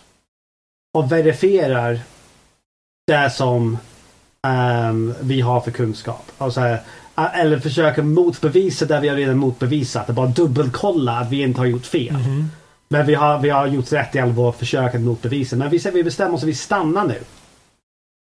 Jag tycker fortfarande det vi har kommit fram till är vetenskap. Men enligt Popper så slutar det vara vetenskap då. Ja, det var det vi började rätt. det Det, var det jag också tyckte var lite, om det är så starkt han menar, det tycker inte jag är bra. Du vet, det var där när jag sa att tänk om vi kommer fram till det slutgiltiga svaret. Är det inte det vetenskap då? Jag tycker det verkar vara för starkt. Där tror jag han Jag, jag, jag tycker jag, med- jag tycker det här, mot, mot, nej, men sen poängen är det här mot, inre motivation som Kristoffer pratar om. Det verkar som att, att uh, Popper försöker kidnappa termen vetenskap. Och säger om du inte har den här inre motivationen i, i det du gör. Så är det inte vetenskap. jag, jag, jag håller med där och det gör på något sätt hela frågan rätt ointressant. Va? För att det blir någon slags, Vilken fråga? alltså om något är vetenskap eller inte beroende på om man, alltså sanning eller inte. sannolikhet. Jag tycker det blir, för att för, för honom blir det helt plötsligt att vid tidpunkt ett så är eh, fysik vetenskap. Vid tidpunkt två så är allt be, alla frågor besvarade och inga mer tillväxt, då är det inte vetenskap längre. Alltså det är egentligen ointressant att skilja mellan eh, fysik om det är vetenskap eller inte mellan tidpunkt 1 och tidpunkt 2. Det intressanta bara är ju om det är sant eller inte. Ja, men när du säger att... Eh, bara för att man inte... Säger att vi når slutstationen, så betyder det inte att man Mm. inte bryr sig om sanning längre. Jag tyckte det lät som att Mhm. du sa något sånt. Nej, men, så att det är inte det att vi ska acceptera Nej, nej. falska saker. Nej, nej, nej, Ehm. såklart. Nej, du har helt rätt. Bra, bra att du påpekar. Det var, det var, jag menar som du med, säger. Ja, jag förstod det. Men det, det blir så här, om vi når det, det slutgiltiga svaret, då kommer vi fortfarande kunna tänka oss sätt vi skulle kunna motbevisa. Men det blir, säg, vi, säg, säg nästa år vi kommer fram till eh, allting. Och sen tusen år senare, det finns fortfarande flera miljoner anställda som försöker motbevisa allting vi kom på imorgon. Ja. Ska vi inte ge upp efter ett tag? Alltså, om, om, alltså hur många år kommer det krävas att vi försöker motbevisa Ah. allting tills vi säger men vad är poängen med det här längre? Vi har redan, vi, vi kan inte göra bättre. Vi, vi, det finns miljarder människor som har dedikerat sitt liv att motbevisa och vi kan inte göra det. Det tar han faktiskt upp där i slutet, att eh, försök att motbevisa blir mindre och mindre intressanta varje gång man upprepar det. Och att det som är intressant är att hitta på nya sätt att motbevisa, alltså radikalt nya. Jo, men man kan Eh. lägga in i Williams Ja, att det, vi- det är nya experiment varje Men- dag från alla. Ja men om vi ändå gör så att under de här, så här tusen år vi utvecklar alltså ny, ny teknologi eller vi bygger ny teknologi och nya kombinationer för att försöka komma på så här mer extrema sätt att motbevisa. Så vi har nya sätt att motbevisa men vi motbevisar absolut ingenting. Alltså Men då skulle, då skulle han säga att den växer. Men då, ja, men då skulle han faktiskt mena att eh, vetenskapen växer fortfarande. Ja men nej, vi bedriver fortfarande Ja. vetenskap. Men vad fan är poängen? När ska vi ge upp? Alltså ska- kan vetens... Ska man överge vetenskap? Finns... Nej, vi ska, det, det känns dumt att ge upp i Alltså så jag fall. tycker för vi måste skilja den rent praktiska frågan så här, att eh, det kan vara ett samhälle där vi, oj, vi kan välja att bota cancerpatienter för pengarna, eller vi kan eh, försöka falsifiera gravitationslagen för 150 gången. Alltså rent praktiskt finns det ju svar där. Ehm, så rent praktiskt i ett sånt samhälle så skulle det vara jättekorkat att fortsätta försöka motbevisa. Men om vi går tillbaka Ja. till texten. Ja. Så vi har sanning. Just det, får jag Ehm, bara säga en mer allmänt så här, jag bara tänkte på det här med varför ska vi eh, fortsätta sträva efter sanning? Varför inte bara pragmatiskt att ja, men det här funkar ju bra, va? varför inte bara stanna här? Jag bara tänkte, jag antar att den intuitiva idén är så här, okej vi förstår, nu förstår vi hela Vintergatan. Och det är, ju, det är ju grymt, hela Vintergatan är fantastiskt. Varför ska vi, det räcker väl, varför ska vi fortsätta att utforska utanför Vintergatan också? Eller säga så här att, nu förstår vi hela universum, vi kan beräkna allting, men svarta hål förstår vi fortfarande inte. Men Ja, vad tusan, svarta hål, ärligt talat, hur spännande är det? De är ju svarta och... men, alltså, tanken är bara att, men den här vetgirigheten att visst, rent praktiskt så, ja, vi kanske inte behöver veta vad svarta hål är, men, men vi vill ju veta. Alltså det känns som, är det inte större då att kunna lägga till det också? Liksom att bara, ju, Men det är den psykologiska mer och tendensen mer i och så fall. Vad sa du Simon? Det är den psykologiska tendensen i så fall. Att man vill att, att det är bättre, eller man, kan inte, man ska inte prata om bättre och sämre för att det har ju inte med det att göra. Utan att mänskligheten är mer funtad åt det hållet att de har den tendensen att vilja få reda på allting. Men människor var också super sig fulla och äter godis och så vidare. Det är inte alltid bra saker. Så man kan säga om man vill jag, vet, alltså jag, vet, jag är inte helt säker på vad jag... Bara för att vi vill betyder inte att det är nödvändigtvis Kanske är det mer specifikt än så att vi, de av oss som är filosofer och vetenskapsmän, vi hungrar efter kunskap. Och den hungern gör att vi vill ha så mycket som möjligt av det. Och så bra som möjligt av det. Och den Mm. är omättlig. Eh, vår aptit är omättlig.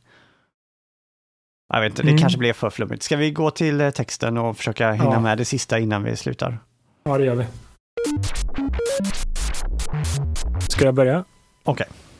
Yes. Så, nu gör vi ett break, eller nu kommer vi in direkt i samtalet. Vi har, eh, vi spelar in en annan, andra gång nu. Eh, det är faktiskt så att vi eh, fortsatte en, en längre diskussion som ni inte får höra, men vi var tvungna att avbryta den mitt i och dessutom så var den diskussionen alldeles vilse. Eh, så vi spelar om på nytt, slutet. Eh, så, vi tänkte vi kanske ska sammanfatta vilket fall som helst, hur vi ligger till. Jag var sagt. förbannad och förvirrad. Och det, är, och det var sant enligt konspirationsteoretiska utsagor. Och det är även någon sorts verifikationism. Det finns ju faktiskt bevis sparade på åtminstone min dator. På minst tre datorer. Ja, det är sant. Ehm, ja, men ja, jag hade en liten frustration om verklighet tror jag.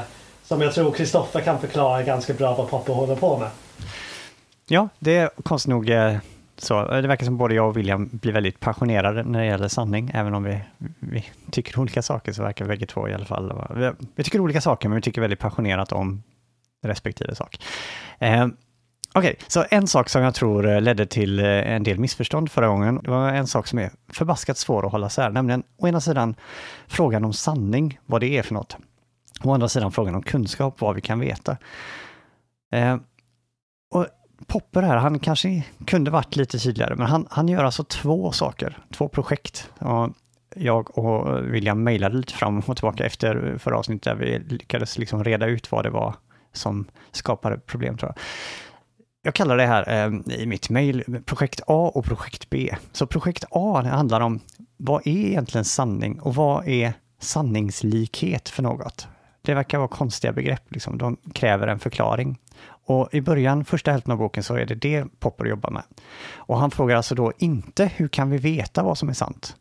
Det är projekt B sen då. Vilken, eh, vilken teori ska vi tro på? Vad ska vi tro på? Och hur vet vi vilken teori som är bättre än någon annan? Men i första projektet ser det alltså bara, går det att förstå vad sanning är för någonting? Och går det att förstå vad sanningslikhet är för någonting? Eh, och det är därför vi pratade om korrespondensteorin och Precis, så det är alltså bara projekt A, det här korrespondensteorin. Och det är väldigt lätt att halka in på, men hur kan vi veta vad som är sant? Eh, och jag tror att för att kunna förstå Popper här då, så är det väldigt viktigt att hålla de här två projekten isär i början i alla fall. Och jag tänkte det vi ska gå vidare till efter jag har gjort en liten sammanfattning är just att prata om det andra projektet, nämligen vad kan vi veta? Men låt oss bara sammanfatta det här första projektet då. Eh, jag skrev en liten, eh, en liten dialog som en, ja, som en liten pjäs, bara för att förtydliga. Vi tänkte testa att spela upp den. Så jag tänkte... Tyckte bara Simon. jag blir nästan jag tänkte, vilken dialekt ska jag köra? Men nej, jag kör vanligt. Okej, okay, så jag, jag säger det som jag tror att Popper vill säga. Och så säger Simon det som vi tror att Popper tror att, hur ska man säga, de som inte håller med Popper eh, kommer att säga. Alltså i Poppers eh, sätt att skriva så är det precis som att han pratar med någon. Och den här andra någon som typ frågar och ställer invändningar så här, den gestalten ska gestaltas av Simon. Så någon helt enkelt, vem är i nyckelhålet som han pratar med? Okej, okay. så då börjar då den här Popper-figuren och säger följande. Vetenskap gör framsteg genom att bli mer sanningslik. Va? Vad sjutton betyder det? Jag förstår inte ens vad du menar med ordet sanning. Kan du förklara ett påstående? Hur kan du förklara hur ett påstående ska kunna vara sant? Jag känner att uh, vad tråkig jag är egentligen. Okej, okay, Poppy säger då visst, sanning är det här. Och så förklarar han det här med korrespondensteorin och Tarski och, och bla bla bla, skriver i manus. Uh, kan vi utgå från att vi redan har gjort en jättebra pedagogisk förklaring av vad det är för något? Lyssna, spola tillbaka typ 20 minuter i det här avsnittet så hör ni vad det var för något. Okej, okay, så nu har han sagt det Popper då. Okej, okay, tillbaka till han, den andra. Okej, okay. låt oss för sakens skull anta att jag accepterar konspirationsteorin för sanning. fast det gör jag egentligen inte, men låt oss säga det. Och Tarski eh, har formulerat den bra. Vad 17 är sanningslikhet? Även om jag accepterar konspirationsteorin så kan jag inte se, vad fan står det?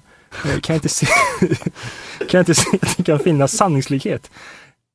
Ett påstående är antingen sant eller falskt. Antingen korresponderar det mot faktat eller så gör det det inte. Ditt begrepp om sanningslighet går inte att förstå i korrespondensteoretiskt ramverk. Okej, okay, jag kan förstå att det verkar suspekt. Jag var länge själv osäker på om det gick att uttrycka sanningslikhet, givet korrespondensteorin. Men nu har jag kommit på hur man gör. Det är förvisso så att varje enskilt påstående är sant eller falskt. Men en vetenskaplig teori innehåller eller implicerar en mängd påståenden. Vissa av dem kommer att vara sanna och vissa av dem kommer att vara falska.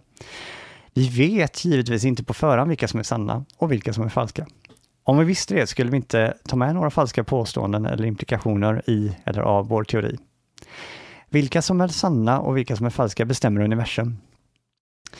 Vårt nästa projekt, projekt B som jag kallat här, blir till att försöka avgöra hur bra eller sanningslik vår teori är. Det är alltså ett kunskapsteoretiskt projekt. I det här skedet som vi är nu vill jag bara förklara att sanningslighet går att förstå i ett korrespondensteoretiskt ramverk. Sanningslikhet är helt enkelt beroende på hur många sanna påståenden eller implikationer och hur få falska påståenden eller implikationer som teorin rent objektivt faktiskt innehåller. En teori kan bli mer sanningslik genom att lägga till fler sanna påståenden eller genom att göra sig av med falska påståenden. Okej, nu har du definierat vad sanningslik är. Men inget av det, så står det inte alls. Men inget av det du säger garanterar hur vi vet eh, hur sanningslik en, en viss teori är. Eller ens hur en teori är mer sanningslik än någon annan. Hur kan vi veta det? Det var där min frustration var. Precis, när jag skrev M där så kunde man vänt M upp och ner på och skrivit W, William. det var min försök att göra rättvisa åt Williams invändning. Okej, okay, då svarar våran fiktiva popper här då. Helt riktigt, men det är mitt nästa projekt, projekt B. Just nu i projekt A så vill jag bara visa att det faktiskt kan finnas något sådant som sanningslikhet inom ett korrespondensteoretiskt ramverk. Du trodde att själva idén var omöjlig eller obegriplig, men jag visade nu på hur idén går att förstå. Yes. Är det jag igen? Ja, nu är det du igen. Eh, vad sanningslikhet betyder? Är, är det... Eh, men vad sjutton kommer det här med falsifikation in? Det är ju det du är känd för! du är så mycket bättre på det här Maxson. Eh, så svarar Popper då. Så säger du bara. Eh, lite torrare. Potentiell falsifikation är ett kriterium för att något ska räknas som vetenskap. Det är också ett redskap vi använder för att förbättra vår kunskap. Betoning på kunskap där. Just nu pratar jag inte vad som utverkar vetenskap. Inte heller pratar jag om hur vi vet vilka teorier som är bra. Jag pratar bara om vad begreppet sanningslik betyder. Okej, okay, men det är mycket okej okay här. Ja. Okej, okay, men även om det finns sanningslikhet, så, så som du beskriver det, så verkar det helt oanvändbart om det inte kan användas för att ta reda på vilken teori som är bättre än någon annan. Det vill vi veta, nu! Då säger Popper, ja, helt värdelös är det inte. Tänk på sanning. Att få förklara vad sanning är innebär inte att vi vet vilka påståenden som är sanna. Men om vi inte kan se hur det kan finnas något sådant som sanning överhuvudtaget, så kan vi absolut inte finna några sanna påståenden. Först måste vi veta vad sanning är, sen kan vi gå vidare och fråga vilka påståenden som är sanna. Okej, låt oss gå vidare till nästa projekt. Hur vet vi vilka teorier som är mer sannolika än den andra teorin? Okej, då går vi vidare till projekt B. Här borde vi ha sån dramatisk musik. eh, är det en bra, vad känner du William, är det en bra beskrivning av... Eh, alltså, av, ja, eh, alltså så fort man um, inser att sann, sanningslikhet är inte något man har kunskap om nödvändigtvis. Mm. Mm. Då faller det här nödvändigt, hur vet vi och kravet och hur, det var då jag började komma in med falsifikation till exempel. För att det blir så här, om det är kunskapstillstånd och man har kommit på det på ett vetenskapligt sätt då måste man kunna falsifiera det. Och det blev en, en stor ihopblandning av alla Poppers begrepp. Så jag, jag förstår men det som jag blir fortfarande bara så här, lite frustrerad av om jag ska bara säga det och sen kan vi gå vidare. Um, vi kan förstå vad enhörningar är. Mm -hmm. Som vi kan förstå vad sanningslikhet är. Det betyder inte att det är någonting som finns, bara för att vi kan föreställa oss vad det skulle kunna korrespondera mot. Mm, fast vårt påstående... Jag ska inte gå in på det.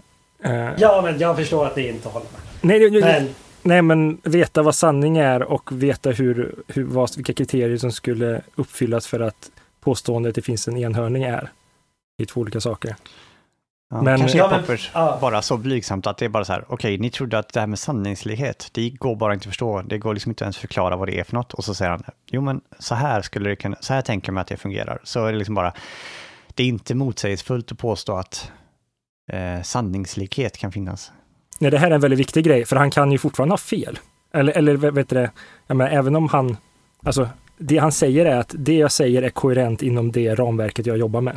Mm. Jo, alltså det, det, är inte det. Alltså, jag försöker inte förneka det, men bara för att man kan föreställa vad det skulle kunna korrespondera emot. Jag bara så här, har svårt bara att acceptera att det, måste, att det är okej okay då. Mm. Men det, det, det, ja, men jag förstår. ett problem. Nu går vi. Okay. vi. Vi ska prata om sex regler nu väl? Ja, det förekommer på ett ställe i boken här då. Och på den där inspelningen som publiken aldrig någonsin får höra då, så försökte jag hela tiden. Jag sa så här, okej innan vi slutar ska jag bara läsa upp de här och så bara gick det en halvtimme när vi pratade om allting annat utan de här legendariska sex kriterierna. Och jag vet inte ens om de är så viktiga, men eftersom vi sa det så många gånger att vi skulle ta dem, så låt oss ta dem då.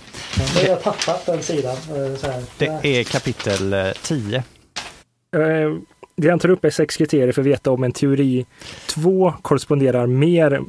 Jag har hittat. Ja, Inte att veta, eller hur? Ehm, Vad sa du, Kristoffer?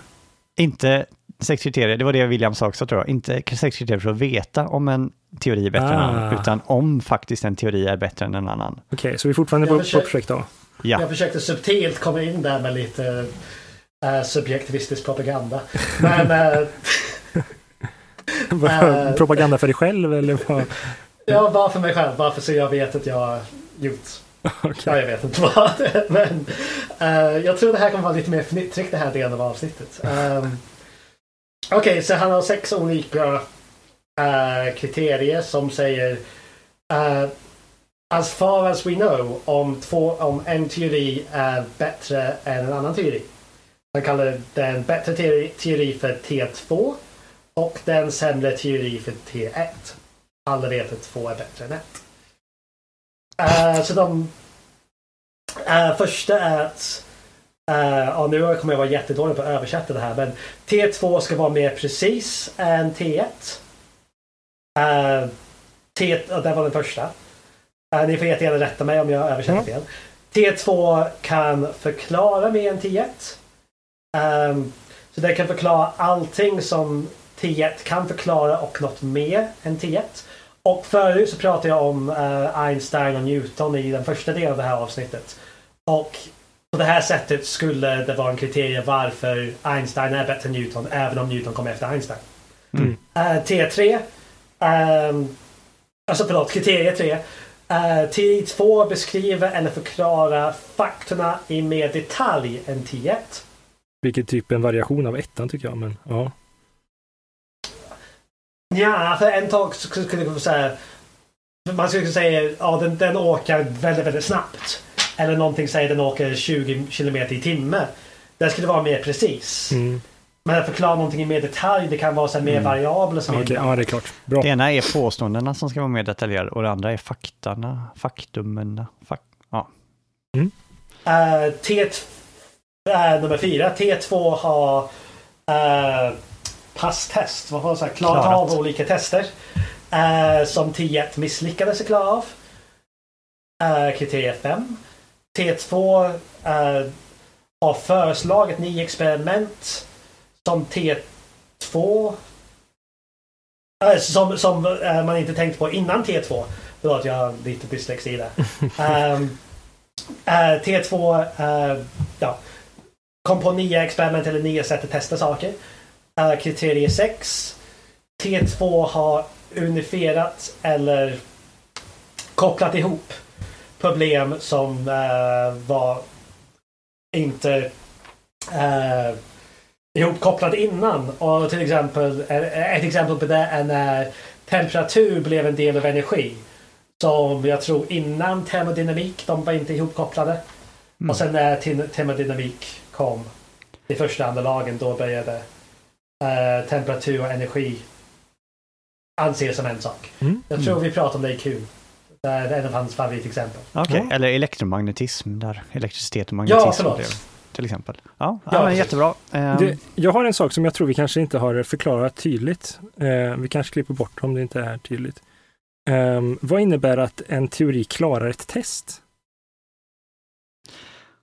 Där kommer den här falsifik- falsifikationsförsöken in. Att man, ett test går ut på att försöka visa att någonting är fel. Ehm, Vilket är eh, pass the test är ju dessutom, är, i vilket då är empir, är ju inte det epistemologiskt. Medan säg fyra ska vara ontologiska kriterier. Eller man kanske, kanske ska tolka dem som att om vi skulle utsätta det för ett test så skulle du klara det. Därför är teori två bättre än teori ett. Ja, men det kan fortfarande vara, det här är ruskigt, eh, man, lurigt så, man måste ha, ha tungan i rätt. Men kanske även om vi faktiskt har gjort tester, så råkar det ju vara så att vi vet mer, men rent objektivt vad det som gör den bättre är att den har klarat tester. Alltså, Mm. den här... Men det, det är nummer fem som jag tycker blir problematiskt i det här språket. Det här är också bara för den här förvirringen som vi pratade om förut för kom. Mm. Är för att, att det står T2 har erbjudit eller has suggested nya experimentella tester man kan göra. Jag fattar, alltså jag är väldigt dum för att tänka i sådana här objektiva termer. Men hur kan en objektiv teori uh, suggest Mm. nya experiment? Han använder fel ord där. Han borde säga im, implicerar tester. Alltså tillåter får- eller möjliggör liksom. Jag, Möjliga, ja. Men jag tror också en förvirring här är att jag tror du William menar att du kan göra vilka tester du vill ändå.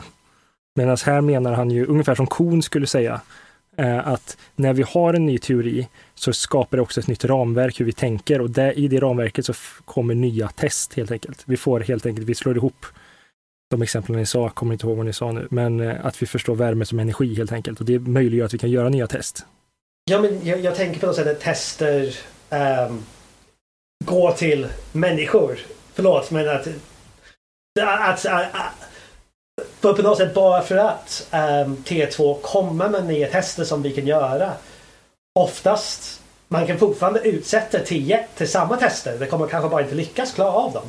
Och det är nummer fyra då.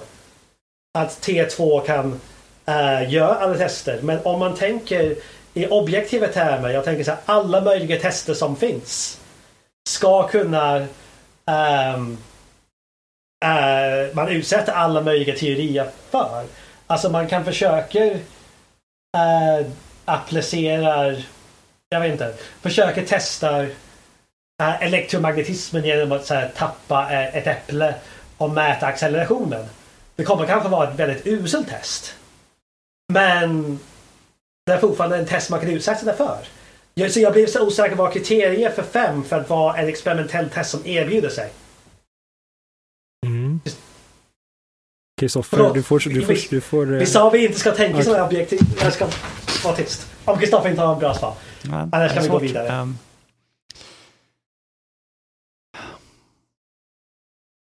jag tycker mig kunna se, eh, men eh, det är svårt. Alltså- ja, nej, men så att vissa, om Alltså, en teori det- säger vissa saker så den går att testa på sätt som inte skulle kunna gå givet en äldre teori. Så att modern kemi går att testa på mer sofistikerade sätt än vad gammal alkemi gör. Kanske är det något sånt? Alltså, alltså jag, jag, jag, tror det han, jag tror han skriver fel i den här för att det, han, när han pratar om test så kommer han prata om de tre senare. I projekt B så har han tre kriterier för kunskapsutökning.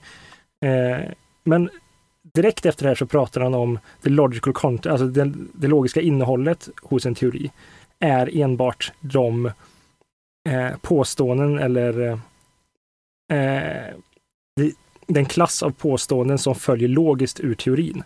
Mm. Eh, och det är enbart ur dem jag tror han menar i det här fallet. Så jag tror han uttrycker sig fel. Så att han tänker, om, om vi har en teori som jag sagt förut, så är det, vi kan beskriva vår teori som en hopsamling av påståenden som tillsammans kan, här, från dem kan vi härleda andra påståenden. Och helt enkelt, ur en teori två är bättre än teori tre om vi kan härleda vissa påståenden ur den här som möjliggör att vi kan testa om det påståendet stämmer eller inte, som vi inte kunde göra i teori 1. För det teori 1 hade inte härlett eh, elektromagnetism till exempel. Okej, tack. Jag Eh. tror jag förstår. Och det kanske är värt att påpeka, han skriver det här är en icke-systematisk lista. Så Ja. det här är inte han säger perfekt sex kriterier. Det är bara så här han flummar runt. Nej, alltså om vi Ja, ska just vara väldigt snälla mot Popper och försöka tolka så villigt som möjligt så tror jag han an, pratar i, han använder felaktiga termer, men jag tror det är det han menar. Um, Okej. um, ska vi hoppa direkt till de tre kriterierna?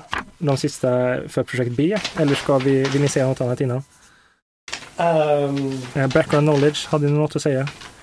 Alltså det, I mean back... Uh, förlåt.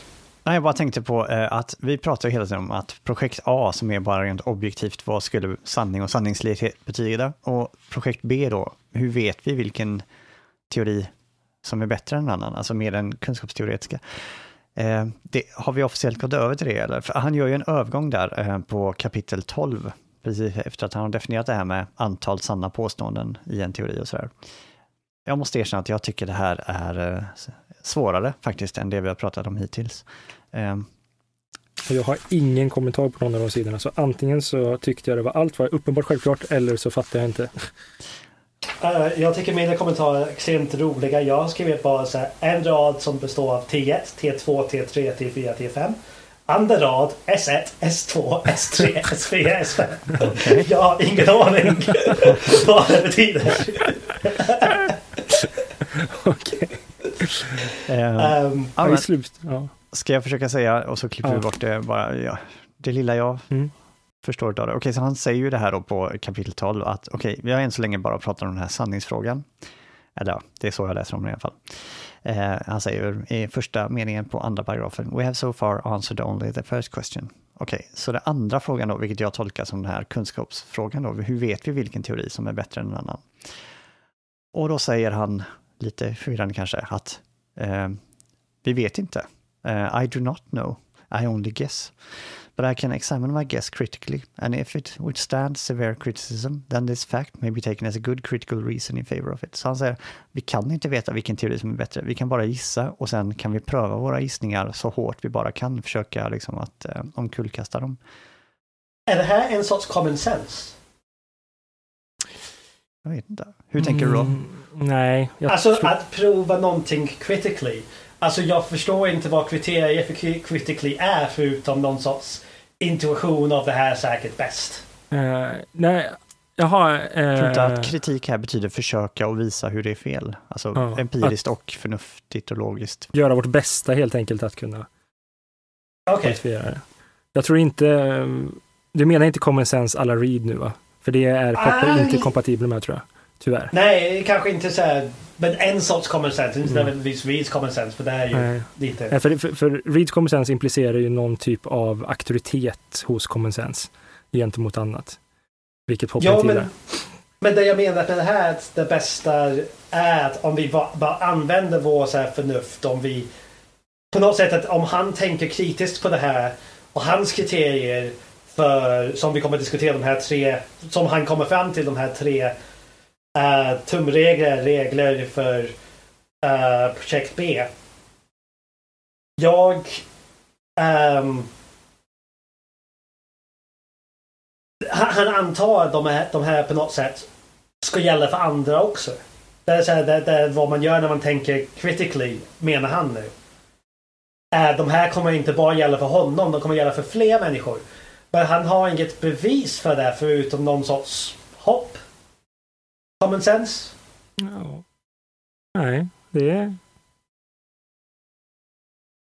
Eh, är det just idén om kritik? Att det inte, alltså, jag tror att han tänker sig att alla människor, vi har en sån här intersubjektiv, att vi kan absolut bekräfta när någonting är falskt. Antingen att det är självmotsägande eller att vi kan genomföra empiriska tester som visar att det var faktiskt inte så. Och att det är inte bara Jo, jag. men han- ja. Jo men jag, jag menar så här hur han ska gå nu vidare i projekt B. Inte själva där man ska börja värdera teori 1 mot teori 2. Hur vi vet vilken är bättre. Alltså såklart man kan använda falsifikation som kanske inte är nödvändigtvis common sense. Men ehm, när man ska ändå, när man har gjort sin falsifiering i T1 och T2. Det finns några motsägelser påstående i 1 och T2. Ja, Jag tror jag förstår lite av mina an- anteckningar. Jag har några andra så här. Jag har T1 och sen en fyrkant 1, 2, 3, 4 och sen T2 6, 7, 8, 9, 10. Um, och då hade jag, uh, och, och jag är ganska säker på att förstå vad jag menar med det här.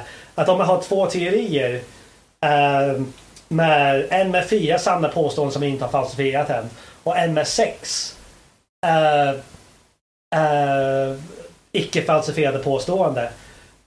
Poppa nu vill kunna jämföra de här, vilken av de här två teorier verkar vara bättre. Mhm. Och det använder inte falsifikation för att kunna jämföra de här två teorierna. Falsifikation ingår i själva teorierna. Mm. Och sen när vi ska nu utvärdera vilken av de här två teorier är bättre. Det här är den filosofiska projektet. Som han inte vet svaret på men han gör en gissning på. Nej, fals- falsifikation är ett verktyg. Som finns inom teorierna eller som man Nej, använder nej, inom teorierna. Nej, som man använder på för att värdera teorier. Eller för att sålla bland teorier snarare. Ja, jag vill också invända på exakt den punkten. Eh, för teorierna Okej. innehåller sanna påståenden och falska påståenden. Och vi vet inte vilka som är sanna och vilka som är falska. Falsifikation är liksom ett verktyg för att försöka... Ja, för, förlåt. Men vi, vi, menar samma sak men jag, det är bara så här en liten semantisk grej tycker jag. Jag menar falsifikation jobbar in i teorierna. Ja. Och sen nu vill han kunna jämföra teorierna. Och det är inte falsifikation han använder då. Eh, ett, en viktig grej här tror jag är att se, det här, jag tror inte han säger någonting om det här, men redan falsifierade teorier kan inte vara bättre eller sämre än varandra. Ah, ah, ah, jo, det är precis, eh, Nej! precis det han säger. Nej, för det var den eh, tredje punkten som jag ville ta upp eh, precis här. För om ni tittar på ett par paragrafer in i kapitel 12 så säger han “This leads me to my third point”. Och då säger han två saker. Först säger han en sak och sen säger han i paragrafen därefter. Bägge två är saker som William har tagit upp. Den ena saken, den här första, tog han upp innan vi tryckte på inspelning. Men, så jag, jag, men jag säger den ändå. Så han frågar så här, “This leads me to the third point”, hans tredje poäng. Eh, Okej, så det är inte det här att han menar att idén om sanningslikhet kommer att leda till några förändringar i, eh, i eh, vilken metod vi ska använda, i liksom metodlära. Uh, och sen, nej, motsatsen gäller. On the contrary, I think that my theory of testability or corroboration by empirical tests is the proper methodological counterpart to this new meta metalogical idea.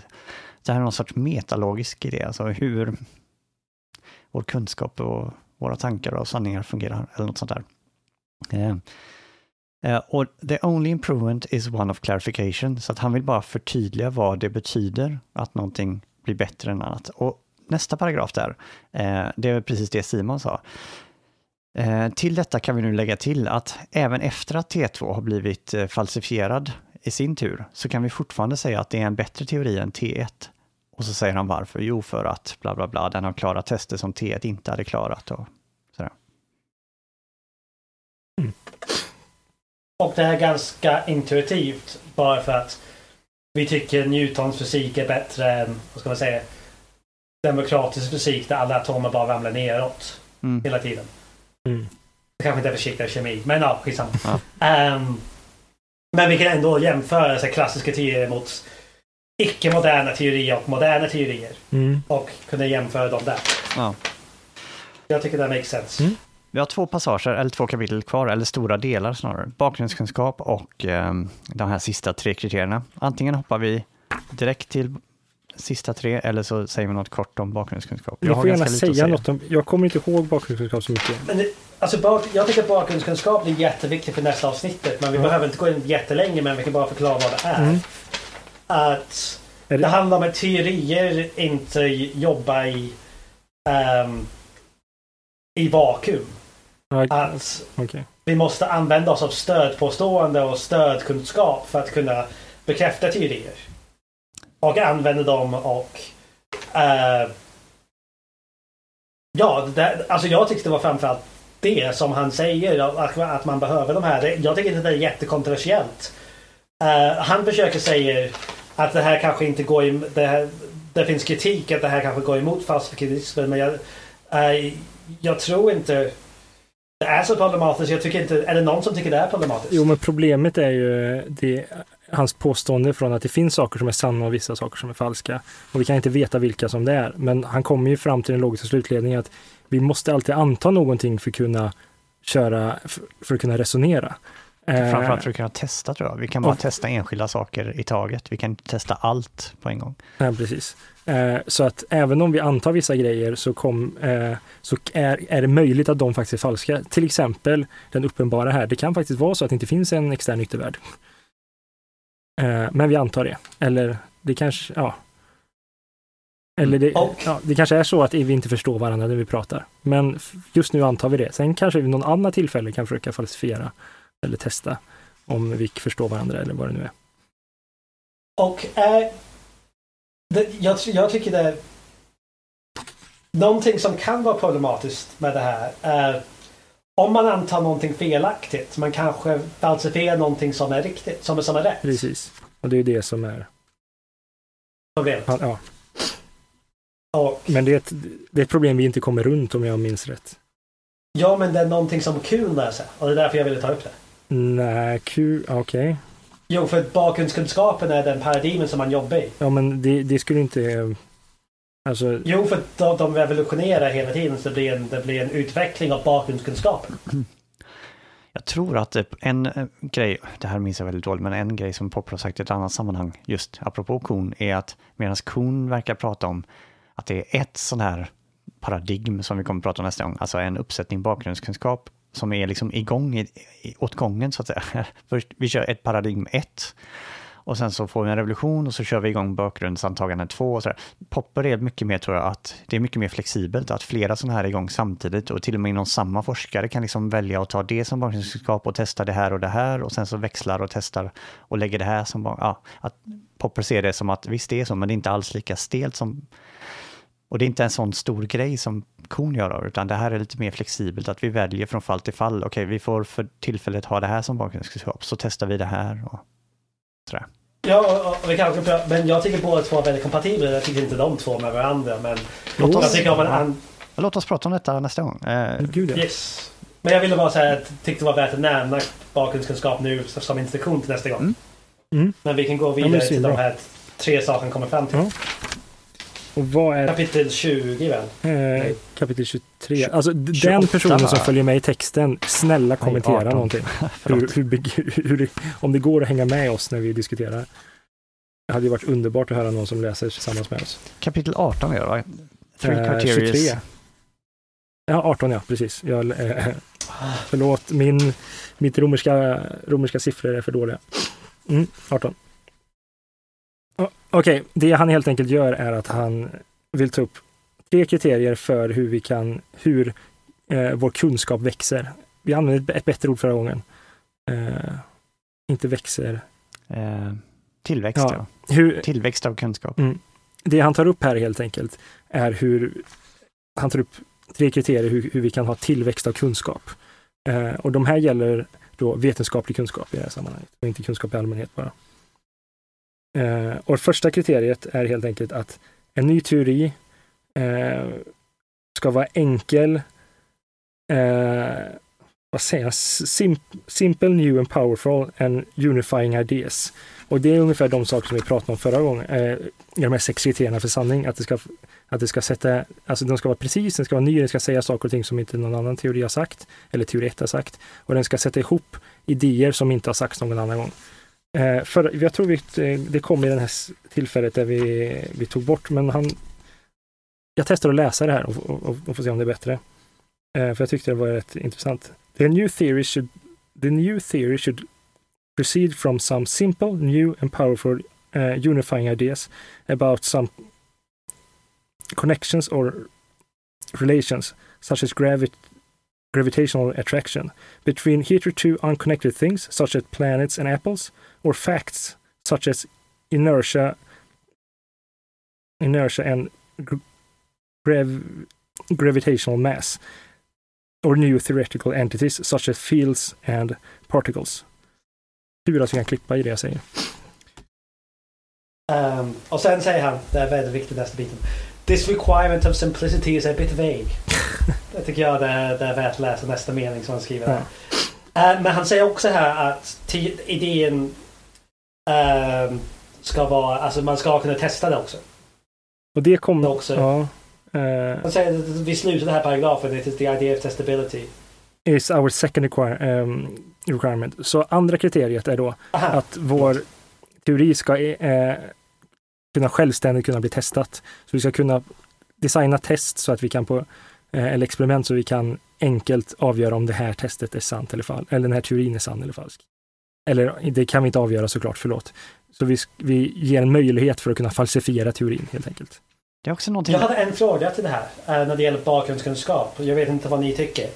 Men ska alla antaganden man gör i bakgrundskunskap också vara independently testable? Eh, om vi ska testa dem. Om vi sätter den inför luppen så ja. Men, men det hela grejen med bakgrundskunskap är att man behöver inte testa dem när man ska bevisa en teori. Nej, alltså problemet här gissar jag att vissa bakgrundskunskaper har vi inga teorier om. Okej. Tänker jag mig. Så de behöver inte nödvändigtvis vara testable. Eh, Det där är faktiskt svårt för att jag Nej, tänker på en sak testable är ju empiriska grejer. Vi kan ha filosofiska åskådningar eller tankar eller metafysiska tankar som inte är test, eh, som, som bakgrundskunskap Mm. eh, som inte går att testa helt enkelt. Att det finns egenskaper till exempel, kan vi utgå från. Eh, men vi kan inte testa det kanske. Det är en filosofisk hållning. Kanske menar han någonting sånt att när han säger bakgrunds, vad det nu är, bakgrunds, minns inte ordet nu, men då menar han någonting speciellt, inte allt det som vi normalt skulle säga bakgrunden. Så att till exempel massa filosofiska antaganden figurerar i bakgrunden för all vetenskap tror jag, men det är liksom ett filosofiskt projekt. De, jag tror inte det är det han menar, utan han menar någonting mer eh, specifikt, men jag är faktiskt lite osäker. Det är en bra fråga hur, eh, jag kan inte minnas att han tar upp det. Eh, det var bara en sak, jag har inte sett det förut, men här på det andra kriteriet. Det kanske är viktigt att, okej, vi designar en teori för att lösa ett visst problem. Så, det för att förklara ett specifikt fenomen. Och, liksom, okej, vi ser att någonting händer och så designar vi liksom, ja men om det är så här och så här, då kan vi förstå varför det här fenomenet uppträdde. Då får vi inte bara liksom då är inte poängen att vi kan testa och se om det stämde för just den grejen. Alltså på ett sätt kan man förstå varför, för jag har ju designat själva teorin för att förklara just det där fenomenet, så det är inte så jäkla förvånande om den klarar att eh, förklara just det där fenomenet, utan den nya teorin eh, ska liksom generera andra sätt att testa den. Eh, som ni ser där, it must have new and testable consequences, preferably consequences of a new kind. Och det är Eh, för att en teori inte ska vara ad hoc. Och det kommer ju till det här som hans tidigare, den ska vara unifiera och den ska vara precis. Så att det ska inte vara bara en teori om en liten, liten grej, för det är nej. en ad hoc-lösning. Helt enkelt. Alltså till exempel om, om jag gör ett experiment och min teori blir falsifierad, men då kan jag helt enkelt säga, ja men det var på grund av att eh, hissen gick igång. Det var därför det här experimentet inte fungerade. Och så, då har jag en teori om att när hissen går igång så, eh, så fungerar inte min, eh, min eh, apparat som jag använder. Eh, och den kan jag ju testa, men den teorin är inte så intressant i sig. Är det det du menar? Han menar att vi ska prata om för att vår kunskap ska växa så behöver vi ha en större, en tredje teori som tar in både fenomen vi vill testa och hissens och, eh, uppgång och nedgång. Kanske kan man se det också lite som hans, hur han kritiserar marxismen. Så till exempel då när revolutionen skedde i Ryssland istället för i England eller Frankrike som Marx verkade tro.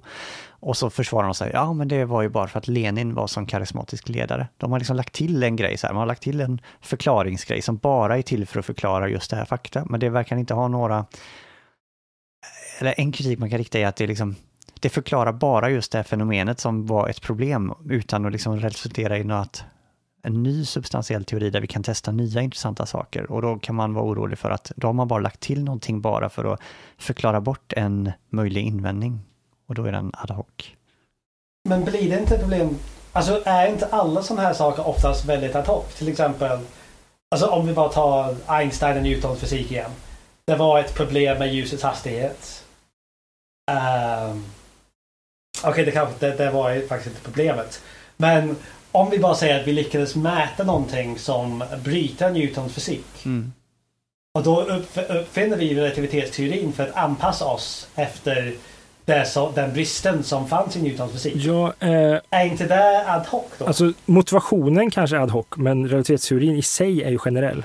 Att den, in, den, det var det jag menar med det här dåliga exemplet med hissen, att om jag bara har en teori för hur hissen påverkar mitt experiment så är det ad hoc. Men om jag har en teori som förklarar hur experimenten fungerar och hissen så har jag en bättre teori. Ja, men, men då är Kristoffers exempel mot marxismen. Om man skulle ka- kalla det för Lenino-marxismen istället. Mm. Skulle inte, skulle inte det då uppfylla samma kriterier som att det är nu en ny teori? Som relativitetsteori är en ny teori. Ja, men vår kunskap skulle inte växa enligt, ehm, enligt Popper här eftersom det, den tillägget till, till teorin är ad hoc. Det är lite problematiskt här och jag har ett annat exempel som jag tycker faktiskt också säg, gör det hela lite struligare. Men innan jag går på problemet, låt mig försöka säga det som Simon sa med några andra ord också. Om man tänker så här att bara problemet var att Merkurius position inte var där Newton för, förutspådde att den skulle vara. Det tror jag var ett av de stora problemen med Newtons teori.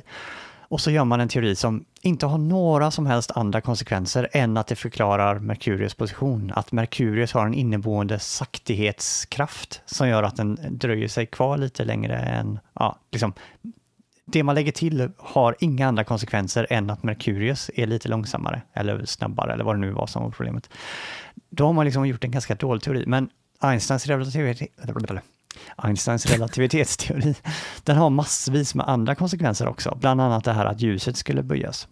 Så det gjorde att man kunde testa. Ja, det är sant. Ja, så, men däremot, det finns ett annat problem som jag tycker är jäkligt besvärligt. Som, eh, just när, man, när jag pratade om Popper förut för folk. Och, Okej, så har man där då Marx, eh, marxistexemplet. Vi hade liksom en animo, animo, va, skitsamma. Vi hade en störning med, med att revolutionen kom på ett ställe. Och vi, har liksom, vi lägger till en um, lösning. No, men eh, Lenins stora karisma, eller man kunde generalisera ännu mer. För, förekomsten av en väldigt karismatisk ledare gör, skulle kunna påverka på det här sättet. Så då vill Popper att man ska tycka att ja, men det där var ett väldigt fult det var en ful manöver som gör att man ifrågasätter marxismens vetenskaplighet. Men jag kommer att tänka på det här, eh, nu vet jag inte vilken planet det var, var det Neptunus eller Uranus? Jag kommer inte ihåg, men det var en av planeterna i alla fall som man hade inte hittat den. Men så märkte man att, ja, jag borde ha läst på detta innan, säg Neptunus. Man märkte att Neptunus inte rörde sig så som den borde göra. Den var inte där Newtons eh, teori förutsåg att den skulle vara. På ett sätt var ju Newton falsifierad då. Jag menar, den förutspådde att eh, Neptunus skulle vara på ett visst ställe, den var inte där. Slut med Newton, fast Newtons teori hade varit så otroligt framgångsrik. Då var det ju den här, jag tror han hette Levier eller något sånt där, som fick mm. den här smarta idén att ja, om vi bara antar att det finns en till planet där ute, som är ungefär så här och så här stor och befinner sig ungefär här, där och där, då skulle plötsligt beräkningarna stämma. Så då kastar man bara in liksom en eh, hjälphypotes att det fanns en annan planet där och eh, man börjar leta efter planeten och eh, käckt nog så hittar man en till planet, om vilken det nu var, Uranus eller Neptunus. Ehm, så det var ju på ett sätt samma sak, man kastade in en Lenin och helt plötsligt så stämde datan. Ehm, det var ju okej. Okay. Intressant är det bara att när Merkurius då också inte visade sig vara på det stället i universum där man räknade ut att den skulle vara, så testar man samma metod. Man hittar på att om det bara finns en planet där inne också, man kallar den Vulkan, om den finns där, då skulle beräkningarna stämma. Men då gick man istället andra vägen och insåg att nej, om man, eh, man falsifierar Newton istället. Så eh, när man tittar på sådana exempel så ser man att det är lite stökigare än vad man kanske som Popper skulle vilja. Alltså det är inte helt enkelt att bara säga att det marxisterna gjorde var fel medan det Levier och de andra newtonianerna gjorde var rätt. Fast eh, för att rädda Popper så skulle han ju säga att om de gjorde fel. Jag menar, alltså det här är ju Kuhns poäng. Jag menar att det är mycket mer eh, liksom, grumligt och hela processen är vetenskapliga som vi kommer att prata nästa gång. Men jag, jag, jag, tror att Popper, jag har inte läst så mycket Popper, men jag tror han skulle bara eh, säga ja, okej, okay. visst under en lång tid och vid många tillfällen så har folk av olika anledningar inte följt hur det går till, men då har de gjort fel. Mm. Det är ett sätt att rädda det på. Det, det kanske inte det är så jag brukar lite... tänka också, men det som är provocerande med just det här Neptunus eller Uranus eller vad det nu var, det exemplet var att det, på något sätt så vill man väl ändå säga att de gjorde rätt. De, de fick ju faktiskt rätt och de lyckades hitta den här planeten. Så. Men det skulle vara epistemologisk tur i så fall? Alltså skulle kanske Popper säga att de hade tur men de gjorde kanske inte rätt? Mm. Mm, Precis, det, ja. Eftersom de postulerade ingen ny teori eftersom vad händer nu? Jag kritiserar Popper och ni försvarar Popper. Det, det blir, Nej, men, blir fel. Ja, jag, jag, jag, försöker bara säga hur absurd Popper är. Jag, Nej, men alltså, jag tycker ju egentligen att det var väl, alltså, genialt och det är väldigt smart och det är väldigt bra eh, att, att göra så samma, samma sak med Vulkanus här. Det är ju liksom att försöka lösa det på det viset. Men tänk så många teorier som folk har försökt lösa på det viset. Det är liksom Eh, det, ja, någon gång funkar det. Mm. Men... Eh, jag menar, en sak hade varit om de eh, fortsatte att insistera på att det finns den här vulkan. Och det var tydligen många som gjorde det ett tag, liksom, att det var liksom inte så att det över en dag blev så att aha, Einstein, utan man fortsatte att leta efter den här planeten och hittade inga som helst indikationer på att den fanns där. Och samtidigt så var det då så mycket fler grejer som tydde på att Einstein faktiskt hade rätt. Och om Einstein hade rätt, då behövde man inte anta någon planet där. Så visst, det var liksom systematiskt och så. så ja. Det här bara förklarar, alltså det här bara skrika kun, kun, kun har rätt. alltså, det, uh. Jo Ja. men just det där att man har kvar sina gamla teorier och det finns ett bråk och man är inte övertygad och så vidare. Men, Trots bevisen. men det, det, de gamla teorierna är inte det är fullt kompatibelt Ja, tack. med, med Popper här. Men ska man inte vara rationell till det Popper? Uh, alltså, det här är faktiskt någonting som stör mig med Popper. För det, det, vad jag minns av Kuhn, uh, lite av hans kritik mot Popper, att människor är rationella. Och då, givet evidensen, ska de överge gamla teorier som har blivit falsifierade. Mm, Men man gör inte det. nej. Eller har jag missförstått? För jag, för jag tänker mig att eh, till exempel är det här Ja, vi, vi har en teori kvar, men, uh, eller en, en requirement of growth of knowledge kvar. Men um, det här går in på vad är, är det här texten? Om vi kan komma till, till er svar på det här efter vi tar upp nästa grej. Men är det här en deskriptiv text om hur vetenskap är? Eller en normativ text om hur vetenskapsmän bör bete sig? Jag tror det är en normativ, eller det är en blandning mellan normativ och metafysisk eller epi- epistemologisk. Dels ett ideal, Och nu skriker Hume Hume eller Kuhn. att Hume Aha. skriker är och bör. Att man blandar ihop dem. Ehm, Alltså nej, den här är inte normativ. Nej, jag, inte normativ. Jag, jag kan inte säga, alltså han, han håller på med alltså, den logiska strukturen för vad han anser som vetenskaplig kunskap och hur vetenskaplig kunskap går, eh, går till. Eh, så då, då är det ingen anledning att överge det gamla dåliga teorier. Alltså, problemet här som jag vet, jag, eh, är ju att jag menar, om vi inte har någon bättre teori tillgänglig, då så vad ska vi göra? Det finns liksom ingenting att göra i det här fallet. Eh, det han säger är att om vi har en bättre teori till hands och vi inte väljer den, ja, men då är vi inte vetenskapliga. Nej, jag tror att eh, precis, han skulle nog kanske försvara sig med att i många fall så är det, vi kan jobba med flera teorier parallellt. Och ibland är det oklart, William du sa så här, vi har falsifierat den teorin. Jag tror kanske, jag vet inte om det här är vad han säger, men kanske är det där han borde säga. Att till exempel i det här fallet med Neptunus där då, då är det inte så att Newton är falsifierad, utan ett tag är det så här att vi har en potentiell falsifiering.